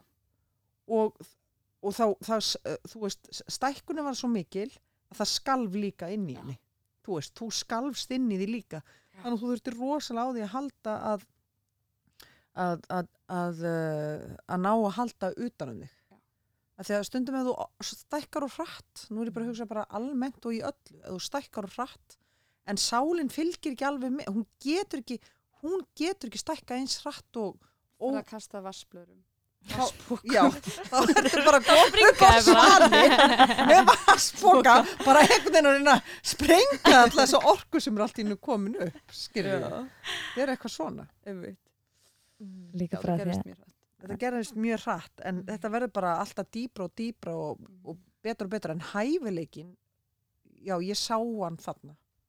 Já, þú hafðir ekkert síðan aður nei, ég hafði ekki í ekki herranótt eða neitt svona? Nei, af því þar varstu, þú veist, þetta leika alvarlegt hlutverk í herranótt. Já, og hérna þú veist þannig að ég var ekki búin að sjá þetta element. Og þetta er einstakur hæfileiki. Og það er bara all, og þetta heitir funny bone eða þetta heitir að vera með eitthvað svona eitthvað svona hmm, mm veit ekki alveg hvað það heitir en Mm. hérna þetta var já, ég var alveg geggja hissa og, og mér fannst þetta ofsalega skemmtilegt Mm. að sá að hún hafði þetta. Hvena sýnir fyrsta improvið?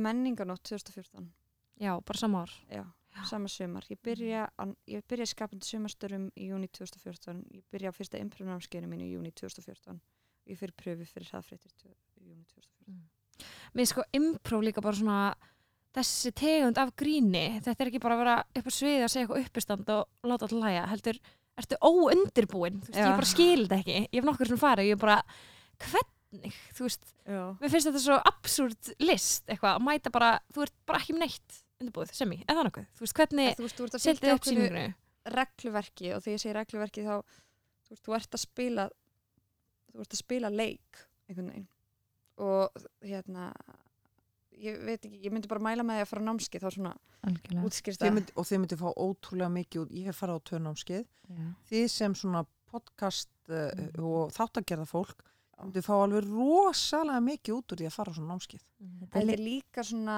heimsbyggja bak við þetta bara eitthvað svona eh, segja alltaf já við hugmyndum sem er bara svo geggja í skapandi vinnu þú veist og að stækka hugmyndir bara ég kem með eitthvað tilbúð að fá hérna að þú komir stækkir þá hugmynd og einhvern veginn það er eitthvað í öllu. Já. það er einhvern veginn og, og það, þessi, það er svolítið svona líkillin á bak við þetta ef að í mjög stuttum háli. En svo er þetta líka bara já, þetta er þjálfin og svo smá adrenalín fíkn held ég að fara í svona einbúð. Já, já, ég er til dæmis orðin að því ég spann líka mikið eh, fyrst þetta er í útskjöðast með trúðatækninni og allt þetta.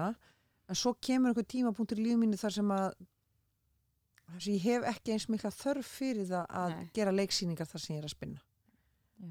þú veist, það er bara ég, ég, ég vil bara frekar vera undirbúin og læra mig, eh, læra og gera, skilur, að því að þetta er líka einhvers konar adrenalín algjörlega. sko. Mhm. að því að þú getur aldrei verið viss. Ef þú verið viss þá, þá er þetta hægt að virka. Þú verður alltaf að ganga auðmjúkur og opinn inn í spunan þannig að þetta er alltaf upp á líf og dauða. Mhm. getur ekki orðið örugur því þá verður bara lélugur Einmitt. Líka bara, þú veist, merkilegt hvernig þið tóku improv sin, sinna smá bara hingað, Improv Íslandi búin að vera starfandi síðan sko, já þegar, hún Dóra Jó Dóra Jónsdóttir, hún kom með þetta sent, hún lærði þetta út í New York og fór þá að byrja að kenna námskeið hér og kendi, kendi fyrsta námskeiði sitt 2013 já, ég fór námskeið hérna árið senna og svo byrjuðum við að sína síningar í þjóðlíkuskjallaranum uh, mér langar að segja 2016 í februar 2016 Mhm. það er januar og já, erum bara búin að vera þar síðan Mhm. og líka með túristasýningar og sumrin og eitthvað svona. Þannig að þú veist það hefur verið áður á Íslandi það sem heitir shortform spunni, við erum að gera það sem heitir longform spunni shortform það er eins og Whose Line Is It Anyway sjónastættinir það sem eru svona leikir og maður er bara svona já, þetta er- þú og svona mínútur og þetta. ég, læri, ég læri þetta. Gerir og ég, já, og ég gerði það í sjónvarpinu Já. og eitthvað svona, þú veist. En þetta er, þess að var svo gaman að fara í þetta í þetta long form, eins og kallar af því að það er uh, já, það, það, þetta er bara önnu starffræði sko.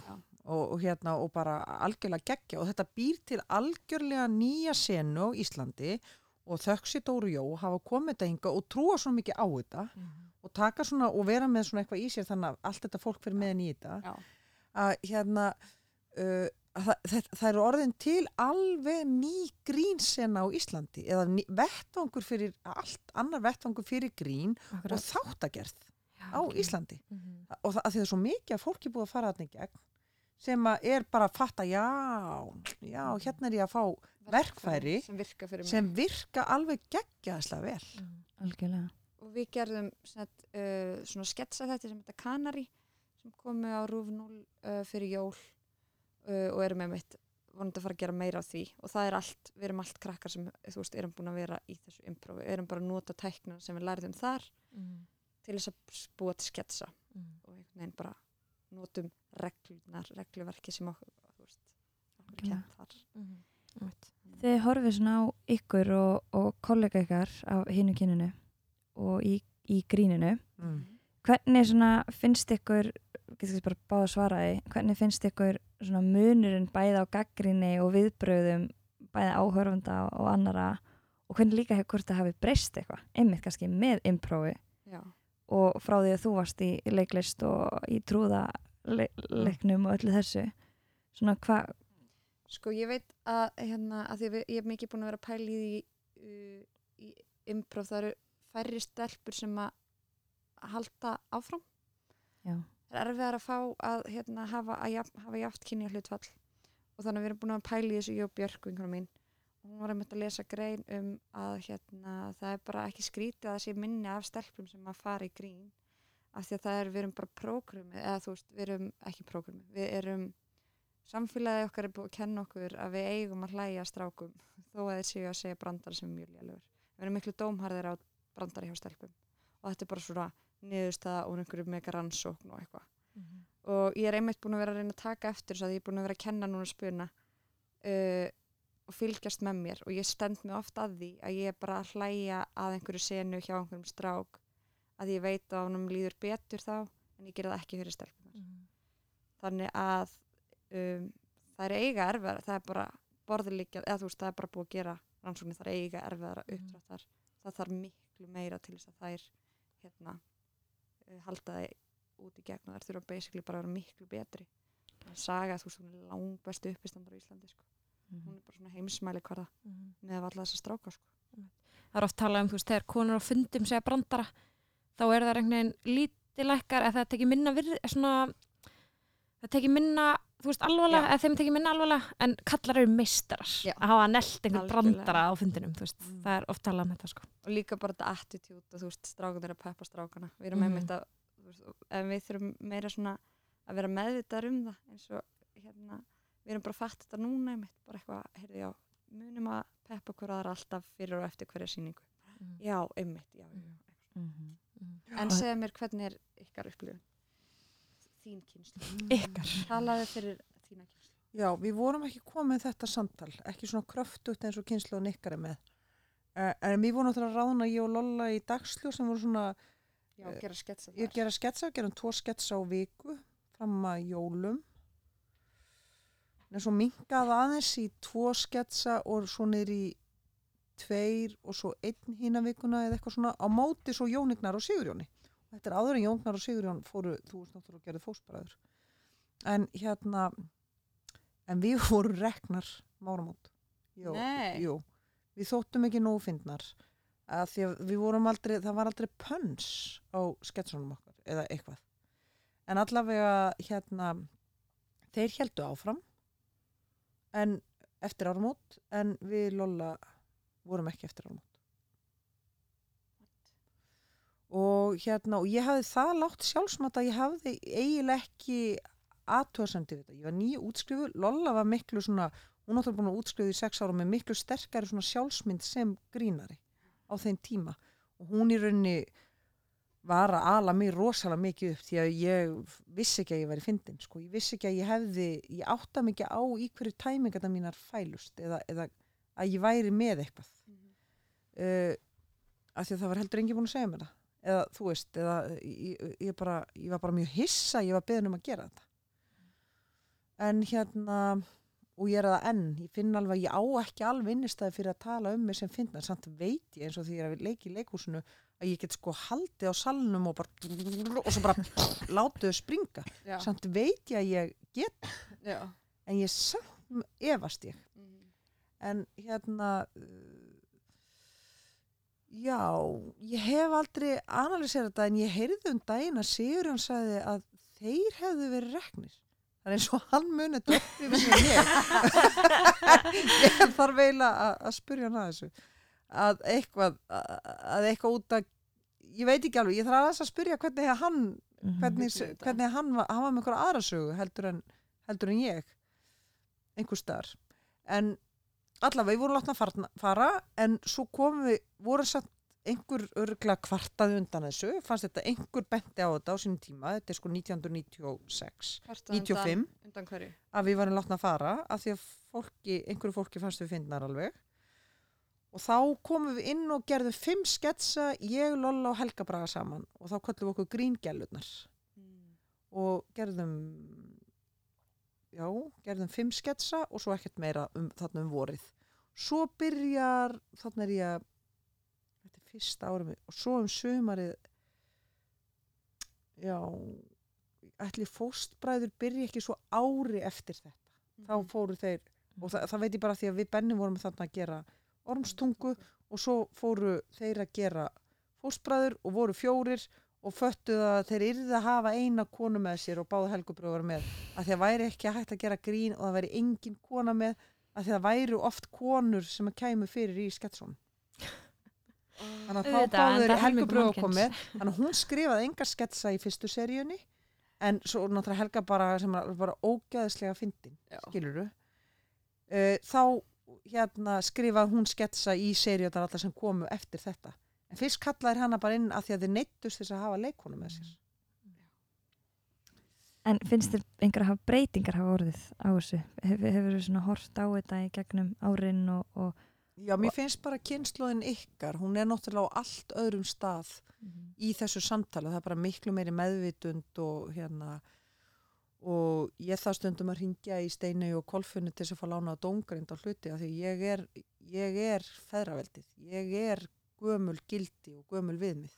Og það, ég þarf ofta að vinda ofan að mér með allskins Mm. uh, sem að þær sjá mik- bara mjög skýrt.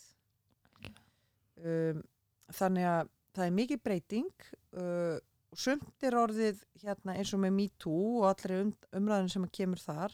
Sumt er uh, bara það er við munum ekki fara tilbaka en það er rosalegt afl sem kemur á móti eins og ég átta mig á með Reykjavík ég til dæmis átta mig ekki á hvað kommentakerfin voru rosaleg við þær fyrir en, fyrir en setna, fyrir en í rauninni það er yfirstaðið.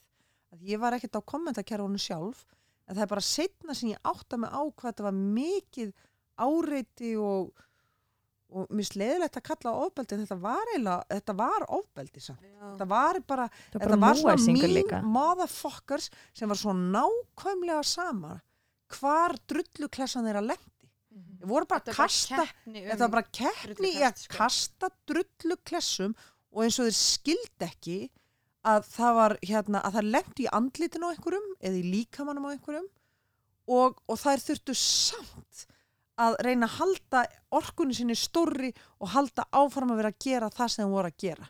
Þetta er alveg ótrúlegt að það hefur ekki verið náða að drepa þær. Algjörlega. Það er eiginlega bara, að það er bara lín líkast. Við tókum ekki svona slægi við höfðum ekki bakland í það eða við höfðum ekki meðvitund í það. Uh, við erum líka kynsla sem er svolítið slakar á það eru sko rauðsokkur og undan okkur sem eru þú veist uh, kynsla Þórhilda Þolleis og Bríð Hjeðinsdóttir og konuna rauðsokkurnar þær voru og, og kvennalistin og kvennaframbóðið þetta eru konur og aldrinum við mömmu mína þú veist og, og það var einhvern veginn eins og við kynslu þessar dætur þeirra eins og við heldum að þetta væri komið. Við áttum okkur á, ekki á að það beigð eftir okkur bara næsta lag. Og nú þurfum við að komast einu lagi undir þetta.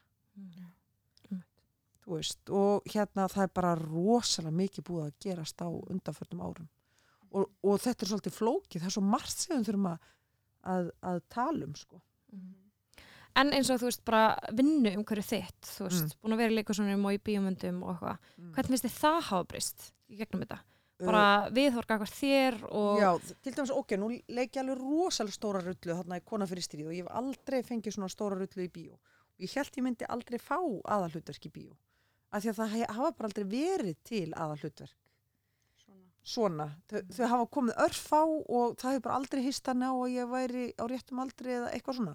Á meðan að, að strákarnir á svipuðum aldri og ég þeir eru kannski búin að leika nokkur aðalhutur og þeir fá kannski nokkur þú veist, bara nokkur röð og geta bara orðið betri og betri leikarar og, og þjálfa leikaraföðan sinna því að þetta er bara eins og með improv, þetta er bara þjálfun. Uh, hann, ég eiginlega fattaði þegar ég frumsyndi kona fyrir stríð þá hugsa bara já ég var kannski aldrei verri leikar en þeir, ég bara fekk ekki sumu tækifæri á þeir. Að því að mér leiða til þess að stækka. Að því að mér leið bara eins og ég mér leið alltaf eins og þeir áttu að skilja að þeir voru bara betri leikarar en ég. Og það er búið að taka mig bara það er bara á undanförtum ára sem ég átt að má að það, það var ekki það var ekki málið þeir fengu bara öðruvísi tækifæri og það er ekkert við þá að sakast. Samfélagið var þannig. Plássið var ekki til. nei, plásið var ekki til, hlutverkið var ekki til. Mhm. uh, þannig að hérna uh, og þá áttaði ég mig líka á að mér fannst líka stundum í lægi að þeir væri með betra kaup en ég en ég hef líka verið með hærra kaup en strákar sem er að vinna með mér af því að mér fannst ég að fá hærra kaup en þeir. Skilur, þú veist þannig að ég hef leiki svona allskins leiki En þetta er samt mjög svona, þetta er nýlega komið til að þú ert farin að átta þig á já, plássinu sem þú mátt taka.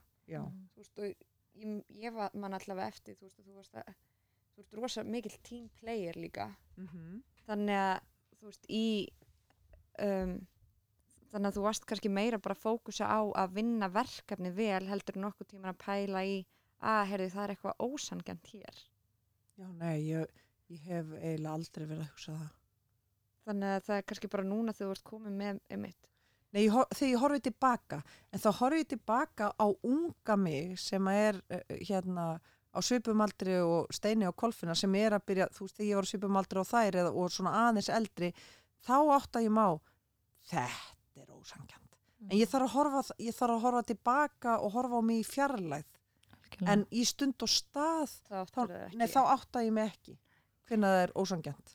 En ég held að segja mynd líka sem þú ert að tala um, Steinei, bara með þennan stuðning sem að kemur líka þetta þessi hvern orka Já. sem að eflist svo mikið og, og sem að einmitt, þú veist, gerir þetta starra og, og starra og sem er einmitt kannski meira til staðar í dag heldur en einmitt þegar þú lendir í því að vera rekin í grínunu í gamla dag og kannski vanta einmitt þennan þessu orku frá, frá konunum sko og þeim í kringum þig, þær sem voru í, í þessum sama bransa Mér bara það. sjálfströst. Að því þú að, veist, ef að ég hefði haft sjálfströst þá segja bara, nei við erum bara mjög fyndnar þið eru bara þið eru bara ekki að fatta eða eitthvað skilur það, algjörlega, bara, það var enginn búin að segja það við okkur það var algjörlega. enginn í peppliðin okkar þú sem emmitt, þú veist, reykjagatætur Já. það, drápist ekki að því þið eru þannig saman einhvern veginn og þú 17 veist saman eða 22 Það er eða ekki s- 13 eða hvað Það það bara nýju en þið voru fleiri þá, þarna voru þið alveg Já. 17 Við vorum 14. eða já, Já, já. einmitt. Það, Það- mun, það bara er algjör þessu. já, það er alltaf einhver sterk það er alltaf einhver með Algjörlega. eldmóð það skiptur rosa máli Já, þetta er einmitt það sem við oft tala um líka með svona hérna, svona góður strákur syndrómið sem að ég veit ekki hvort við höfum farið út í hér en það er einmitt svona Hvað er sama hvað gerist einhvern veginn oft hjá uh, þú veist uh, um að segjum að eitthvað, eitthvað slæmt gerist hjá einhverjum með einhver stendur sér illa Mm. að þá er hann samt alltaf góður strákur sko. Já, Það er alltaf þetta enn veist, en, en hann er góður samt strákur. en er þetta er vantar svolítið hjá okkur sko. Það Já. er bara svona eitt feil og þú já, ert bara já, búinn. hún er samt Mhm. góð stelp bara, nei, nei, þú veist, hún er bara ekki til staðalega þetta er svona Já. þetta sem að Já. vantar svolítið líka myndum bara, þetta er samfélagslega hvernig er búið einhvern veginn bara þetta er, þetta er ekkit endilega þetta er ekkit endilega system okkar, þetta er líka bara samfélagið, Já. hvernig það hefur haft sko. gríðarlega áhrif og maður, þú veist, einhvern veginn fattar alveg sjálfur, þú veist, það kemur alveg fyrir að, þú veist, maður er eitthvað svona allt í hennu bara, já, býtu en hún er samt góð stelpa alveg eins og hann er góð strákur, þú veist Já. maður, maður er einhvern veginn ennþá bara að, þú veist reprógrama sig, veist, fyrir þessu. Og ég held oft líka að konur þurfa að vera dugleri að konur þurfa bara að vera dugleri að hérna en bara að, þú veist, virkennan stuðning bara ennþá meira, þú veist, allalegi gegn. Já, og alltaf í öllum kringustæðum fá þessu orku rútinni ég þarf að fá hana, þessu Mhm. rúti á geggjað. getum við alltaf verið það. Hafa svona rútu fyrir hringin í kringu landi Já. hverju sumrið að, hálsásfresti bjóð upp á rútuferð með. Já. business. Safnur í plötunni. Átt þú svona hóp? Uh, svona pep-hóp já svona, já svona uh, kröftugar, já vinkonur sem að Sem, sem trúa á mig. Já. Ég fundi bara um daginn, bara þú veist, fyrir tveimur vikum, þá var ég að þjálfa æfingu með improv, veist, með þeim sem ég er með í síningarhóp og ég var bara svona fann hvernig það var enginn að hlusta á mig. Og það var svo, svo fór ég beinta eftir að á æfingu með Reykjavíkudæturum og ég bara svona, já þetta var svo svartkvítt, bara einhvern veginn munur á stemmingu. Og þegar svona stolti stráka stemmingi í improvinu. Og svo fara yfir í Reykjavíkudætur og þetta er, þú veist, þetta er algjör þú veist, þó ég þó það sem ég stefni á í lífinu sé að gera meira, mér langar að gera meira sjónvarp og þú veist, dagskrágerð og eitthvað svona sem er basically ekki að búa til tónlist þá er samt þetta held ég það sem er búið að stækka mig langt mest sem mannesku að vera hluta af Reykjavíkudæturum sko. Algjörlega. já það kemur svo mikið máttur með því á valdefling Og tilgangurinn. rosa, bara, einmitt, bara hitta bara ég, mér finnst ég geta þú veist, einmitt, ef ég er lítil í mér í dag það er einhver allavega af þeim sem er Mhm. hérna, aðeins stærri já, sem er stærri í dag og mm. þá getur maður að spekla sig í því mann vantar alltaf einhver til að spekla sig í basically Einmitt. Svo fyrirmyndir. en talandi um konu fyrir stríð Mhm. og þessa aðtegli sem hún færð e, kringum myndina, ég var að mynda að prófa að googla það fyrir viðtalið og bara fyrstu grein þá voru allar erlendar og viðtöl og allt, hvernig fannst þér það? Woman at War Woman is War, meinaru ert að meina framgangur myndarinnar eða Já. leiki, framgangur myndarinnar? Já, bara, bara þú veist rosalega gaman. Mm, rosalega gaman, út og já, ég meina ég var 50 í fyrrasöma, ég er bara svo geggja til í að fá að prófa þetta einhver tíma. Mm, þú sagði ég, eins og ég sagði, það er svolítið mörg ár sem ég sagði við til dæmis Steini, ég sagði bara ég væri til í einhver tíma að leika aðal hlutverki bíómynd þar sem ég þarf að bera hann ég upp í. þrjú, max fjör ár síðan það og svo Já. bara kom það strax, það var geggjað sko en allavega, að því að ég fann alveg, þú veist það er svolítið síðan ég fann að ég væri til, að ég segi bara ég get alveg, ég get alveg borið bíómynd. En ég hef alltaf sett á það að ég gæti það ekki sko, og, og, og allt er bara rétt og, og eitthvað svona þú veist. En hérna ég er bara svo til í líka þetta. Að fara á hátíðir í útlöndum ég reynda að kunni ekkert að plugga mig og ef ég, var, ef ég myndi lendi svo aftur núna þá myndi ég vita hvað ég væri að gera á svona hátíðum. Já. en ég var bara að fara og bara, bara skemmta mig. Já, engin ljót hótel og og hérna og, og bara njóta þess að, að fólk dáist að mér. Þú veist, að því að það er ekkert svona á Íslandi, það er engin eitthvað svona vá, þú ert stórkostleg eitthvað, þú veist, mest að geggja gaman, líka bara þú bara- þekkir alla í bransanum heim á Íslandi skilur já, þannig Já. að það er eitthvað já við erum ekki í þessu hér. Og, þetta er já, bara of lítið, þetta er yfirleitt bara föðusistiðin, Já. skilur við eða eitthvað svona, þú veist, þannig að þú, við erum ekki í þessu hérna, en mér fannst þetta geggja gaman. Þetta var alveg stelpan í glerbúrinu sko. hún, var að, hún var að fá sko, stelpan Já. í glerbúrinu fekk alveg geggjað út úr þessu Já. sko. Ungfrú MH. ungfrú MH og, og það, var- þú veist, þannig að þetta var svona það var rosa gaman og, en ég hitti líka fólk sem að ég bara tengdi við og var gaman að tala við og tala um bara lífið og eitthvað, lífið og listina eða eitthvað, Mhm. þú veist, mér fannst þetta bara rosalega gaman að fá þetta tækifæri einu sinni á æfinni hvernig fannst þér Steina að sjá þetta með við fögnin á ettinu 2014 já, ég, já, einmitt. Ég var alltaf bara heima, ég var alltaf að passa bara litlu sískinu mín.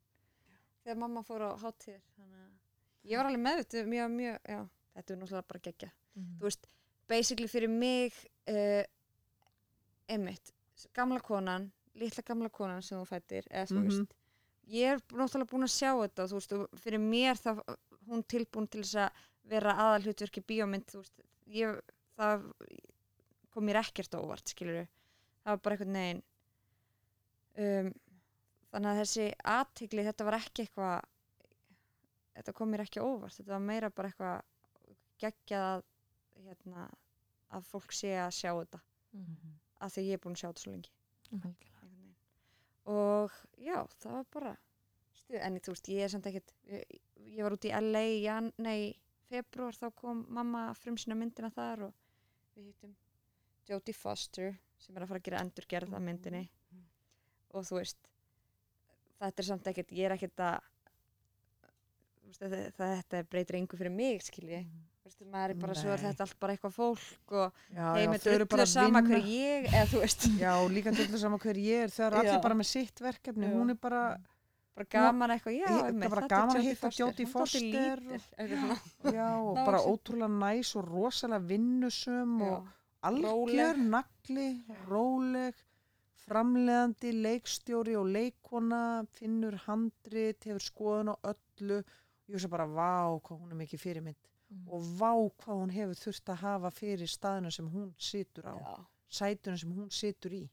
Hún er alveg, hún er rosalega senuð, alveg bara ógeðslega næs, þú veist. Sem er kontakt með hana, getum við fengið hana í Já, Já. fluttan einmitt. En nú fyrir að líða lokum, Já. við hérna gætum alltaf að tala við ykkur eiginlega allt kvöld bara, Mm. það er svo margt sem okkur langar að ræða. Hvað hefði þið sagt við 16 ára ykkur, eða 20 ára ykkur? Það bara þýðir ekkert að segja neitt við neitt 16 ára. Það er bara, hann heyrir það ekki. Innum eitt og út ekki, bara. ég neymir að það hefði ekki þýtt að segja neitt við mig. Og allt sem ég þurfti að heyra var einhver búin að segja við mig og ég heyrði það ekki. Skiluru, maður er bara fullur að, ef maður er fullur af trillingi þá er maður bara fullur af trillingi og það er enginn sem getur hamið það nema þú sjálf. Þú veist, maður er bara, uh, maður ber bara ábyrð á sjálfum sér og um tvítugt þá svona, ég meni, ég fekk akkeri, ég bara fætti bann, þannig að það kom bara akkeri. Uh, ég bara dáist að fólki sem hefur ekki fætt, fætt barni samt með akkeri. Við með góða hvernig farið það að þessu. Ég, ég veit ekki, mér finnst óþægilegt ef ég hugsa of mikið, mér finnst gaman að eiga drauma eins og fyrir nokkrum árum að segja mér, ég geti hugsað mér að da da da da da. En svo ég erfitt með einhvern veginn að gangi áttin á því að því ég ætlaði til dæmis að ekki að fara að skrifa handritið útvega peningana og fá framleiðendur og hérna og leikstýrið það líka sjálfið eitthvað svona þú veist, ég vissi að ég ætla ekki að ganga sjö ára leiðaði að fá hlutverk, í bí, aðalhlutverk í bíómynd. En ég er bara svo heppin að draumurinn rættist. Já, mér finnst mér finnst í alvörinu svolítið gott að ganga aftur og bakk sjá bara hvað ég get verið þakklátt fyrir Mhm. hvað ég er að byggja upp. Og leið og ég segi upp á draumum minn þá er hann kon í fortíðina. Þannig að hann er fyrir framann mig í fortíðinni. Einmitt. draumurinn er þá fyrir framann mig í fortíðinni og er ekki kvíðvaldandi heldur fallegu draumur. Eða skilji hvað ég, ef ég le, leið og ég segi mér langar að leika aðalhjóttur ekki bíómynd þá er það konið í fortíðina. Að ég er búin að segja Já. og svo held ég áfram að ganga aftur á bak að því að kvíði og það að halda hlutinir eigi að vera einhvern veginn það er það sem hefur farið vest með mig. Það eru vondu tímabili mín. Mm. þeir eru reyna að spá í framtíðina. Takk bara eitt dag í einu. já, en það er ekki það með sagt að maður er ekki að láta sér dreyma. Maður er bara að láta sér dreyma mjög mikið. Og um leið og maður þóra að viðkenna draumana sína þá eru þeir ekki í framtíðinni þeir eru komnir í fortíðina. Mm. þannig að þeir eru ekki kvíðavaldandi náðu, náðu þessu Ég náðu þessu. Já. það var geggja. og ég ger þetta, ég bara stundum þú veist á daginn er ég bara, ef ég finna ég er þá bara loka ég augunum og ég sé fyrir mér, þú veist, eitthvað sem ég er að kvíða bara eitthvað verkefni á morgun eða hinn þá bara, þá bara snýi heiminum við inn í mér og sitt fortíðina fyrir fram að mig og framtíðina fyrir aftan mig og þá hef ég ekkert að óttast því það hefur allt gengið vel eða farið eins og átt að fara og ég ger þetta svona myndrænt inn í mér Mhm. Einmitt. Ég hugsa bara einmitt, þegar þið segið þetta að segja eitthvað við þú ert 16 ára mig að því að einmitt og þú segir það er ekki hægt að endilega heyra. Mm -hmm. einmitt, eins og ég þú veist þegar ég fór að kvíðalif Mm þú veist ég uh, þegar ég fór að tala við mér hún var búin að segja það oft við mig en ég hafði aldrei geta heyrt það einhvern veginn. Þannig að einmitt, það er eitthvað svo rámt að refsa sér fyrir það að hafa ekki heyrt eitthvað þegar maður var eitthvað gamall um, þannig að en þú veist, einmitt, ég held að það sem ég myndi segja um þú veist, litla mig sem hefði samt pottit ekki geta heyrt það á þeim tíma er bara djöðl ertu flott. Mm -hmm. Já, þú veist en svo þarf maður bara að ganga þú veist, ákveðna leið til þess að komast að því. Mhm. algjörlega. Hald að þið munu einhvern tímann leika eitthvað saman eða gera eitthvað saman? Við gerðum marathon með ykkur Mhm. Það var gaman, við reyndar Mhm. gerðum mjög lítið saman, við gerðum bara sketsana Já, fyrir auglýsinguna já, við skrifum það á og Nei. Þeir voru held ég að vona við myndum fara saman út að hlaupa. Já, Við gerðum það ekki. sko. nei það var bara allt og flóki það var svo skipulega mikið að gera. En við hringdumst á. já, við töluðum saman en við höfum þá allt í einu sameiglegt markmið sem var að hlaupa marathon Já. sem við höfum aldrei átt á- En áður ég var ennþá í ástandinu. Í mínu lífi. Já, já, já, einmitt, einmitt, einmitt. Þetta er ári eftir allt hitt. Þú ert Já. ennþá með sko stærra, þannig ertu ennþá í sko Og mengi en þú náða. Já, ég var þannig að fórsinn á nýju lífi og ég var bara eitthvað eitthvað fólk að tala við mig út og götu hvað átti ekki að vera að hlaupa og ég bara ég höndla þetta enga með sko. Eða, jú, jú, ég höndla þetta Já, en mér fannst það erfitt. já. um, en já, sko Vinna ég saman. veit það ekki þú veist það, Ég held að Steinei eigi eftir að skrifa sjónvastætti og jú, ég ráða mig að og hún á eftir að kasta mig í eitthvað. Ég held við um eftir að vinna þannig sem að hún ég leikstýri mér. Já. já, ég held það líka að ég held að við séum ekki að fara að vinna saman þar sem að, við erum á sama leveli nei, og Kolfinn er búin að leikstýra þér, það gekk mjög vel já, Kolfinna leikstýri mér hinn dóttir mín þegar hún var á Sviðsöndabraut í listaháskólanum. Mér finnst það mjög þægilegt, mjög gott. Já. Ég er nefnilega rosalega... og ég held að þú getur ekki leikstýrt mér Nei. eða hvað, nei, ég held ekki Uh, jú, jú, ég get það, eða þú þarf náttúrulega að gefa mig leifi til það. já, já, já, Mjög Einmitt. fyndið tvist. En Ég- þá spyrjum við að lókum Já. Hvað langar ykkur að verða þegar þið verðið stór? Stórar? Þá er náttúrulega búin að segja það sko. þá er það komið í fortíðina Já, þá er komið Það Kom fórtíðina. fórstíðina Mér langar að gera meira bíó. Mér langar að vinna með uh, fólki í útlöndum.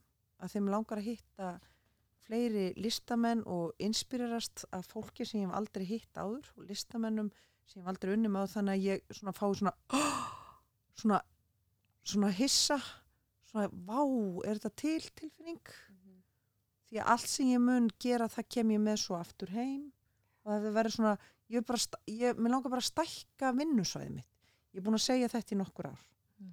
mér langar að stækka vinnusvæðið mitt af því að það er svo skemmtilegt Algjörlega. Já, mér langar einmitt. Mér langar til meira útlanda sko. Ég er einmitt, sko draumurum minn er einmitt eitthvað svona að vera í, gera meira sjónvarp í útlöndum en basically ég hef ekki lengur fundið, eða þú veist, nei, lengur, ég hef ekki ennþá fundið hvernig ég á að komast ángað þannig að ég hérna er þú veist frekar hikandi einhvern veginn að veist segja nákvæmlega hvað það er af því að ég er ekki nákvæmlega búin að finna út úr því sjálf. Mm -hmm. en ég fæ, þú veist það mér erst geðveikt eins og þarna að vera þarna úti þú veist sem er bara mekka sjónvarpskerðar þú veist að vera í LA og, og þá einhvern veginn já.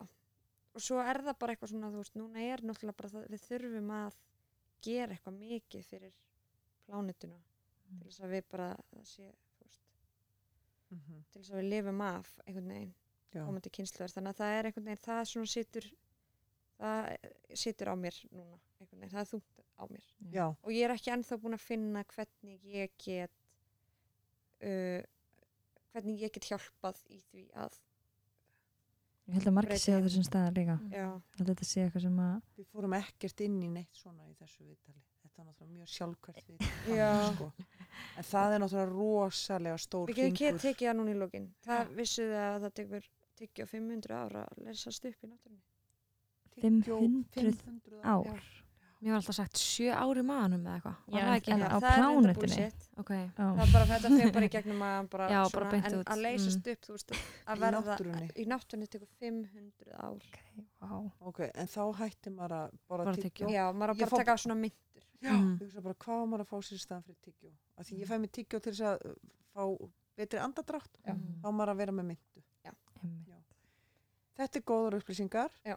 hérna uh, það sem hefur leigið á mér samt núna undanfætna viku er auðvitað uh, hérna barnasáttmáli samanuð þjóna Mhm. og börn sem eru send hérðan í aðstæður þar sem við vitum að hérna að brotu verður á mannréttindu þeirra þetta get ég ekki. Nei. að því ég veit við getum betur. Við getum svo miklu betur. Þannig að mér, þetta er svona það sem að hefur leið þetta, er mjög þungt á mér undarfarna, undarfarna viku. Og þó svo þeir séu þessum fjórum börnum hafi bjargað, það er stórkostlegt en við, megum, við verðum að halda áfram. Það voru 70 börn sem sem voru sendið burt. Og þetta er bara í alvöru ég fæ alltaf kvökk í hási mér finnst þetta bara mér finnst við ekki vera að standa okkur sem manneskjur. Mhm. já, við bara getum betur. Mhm. og óttin við að fá fleira fólk inn til landsins hann er byggður á ránkugmyndum það eru svo ég veit ekki hvaðan þau gripu þennan ótta fólki sem er svona óttaslegið. En það er ekki þetta að gaggrina fólk fyrir óttaslegið af því að þau eru óttaslegin en það þarf að menta þau það þarf að tala öðruvísu um þessa hluti. Algjörlega. það þarf að fagna því að það sé verið að bjarga fólki og gefa fólki tækifæri. Og það þarf að horfa á söguna í miklu stærra samhengi og segja bara við erum öll fólk á flótta. Við erum alla, öll einhverstað djúft, djúft niður keðjurnar okkar og inn í árhundruðin erum við fólk á flótta. Við höfum öll verið á flótta. Við höfum öll forfiður sem hafa verið á flótta og, bara, og það er bara eðli manneskjunar að vera á hreyfingu. Núna erum við að hreyfast svona. Og það er ekki hægt að múra sig inni eða múra fólk í burtu. Svona líður mér. Þetta finnst mér, þetta finnst mér alveg óbærilegt líka. Ég segi við end, endum þetta heldur betur þessum orðum. Já, frábær lókarð, Takk mikilvægt. helga fyrir að gefa okkur tíma. Ég veit að þetta var ekki auðvelt að koma og setjast hérna saman með okkur og við erum svo þakklættar að fengja ykkur og hérna bara mjög gaman að koma mjög gaman, gaman að hitta glerbúrið ég bara var að gleyma Það var geggjur saga. og ég bara segi takk fyrir okkur. Já, takk Já. fyrir. takk fyrir mig, takk fyrir okkur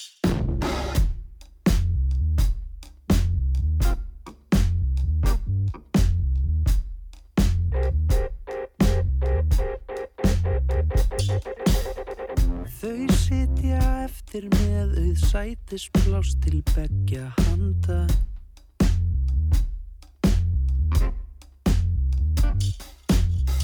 Dreipandi sitt á hvað á drikkjunum sem eftir standa. Alveg sjálfsagt, ekki að minnast á, láttu vaða leistu skjóðu frá. Ég segi engum svo krifjast hjartans mál og einhvers andadýr er panda.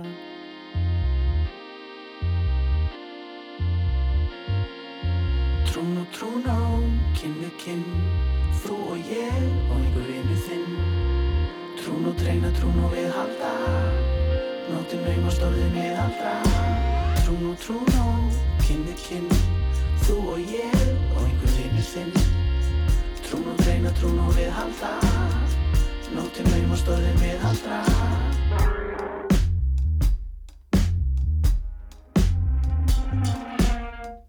Og við svo krumpuð bæð og breytt því það er langt um liðið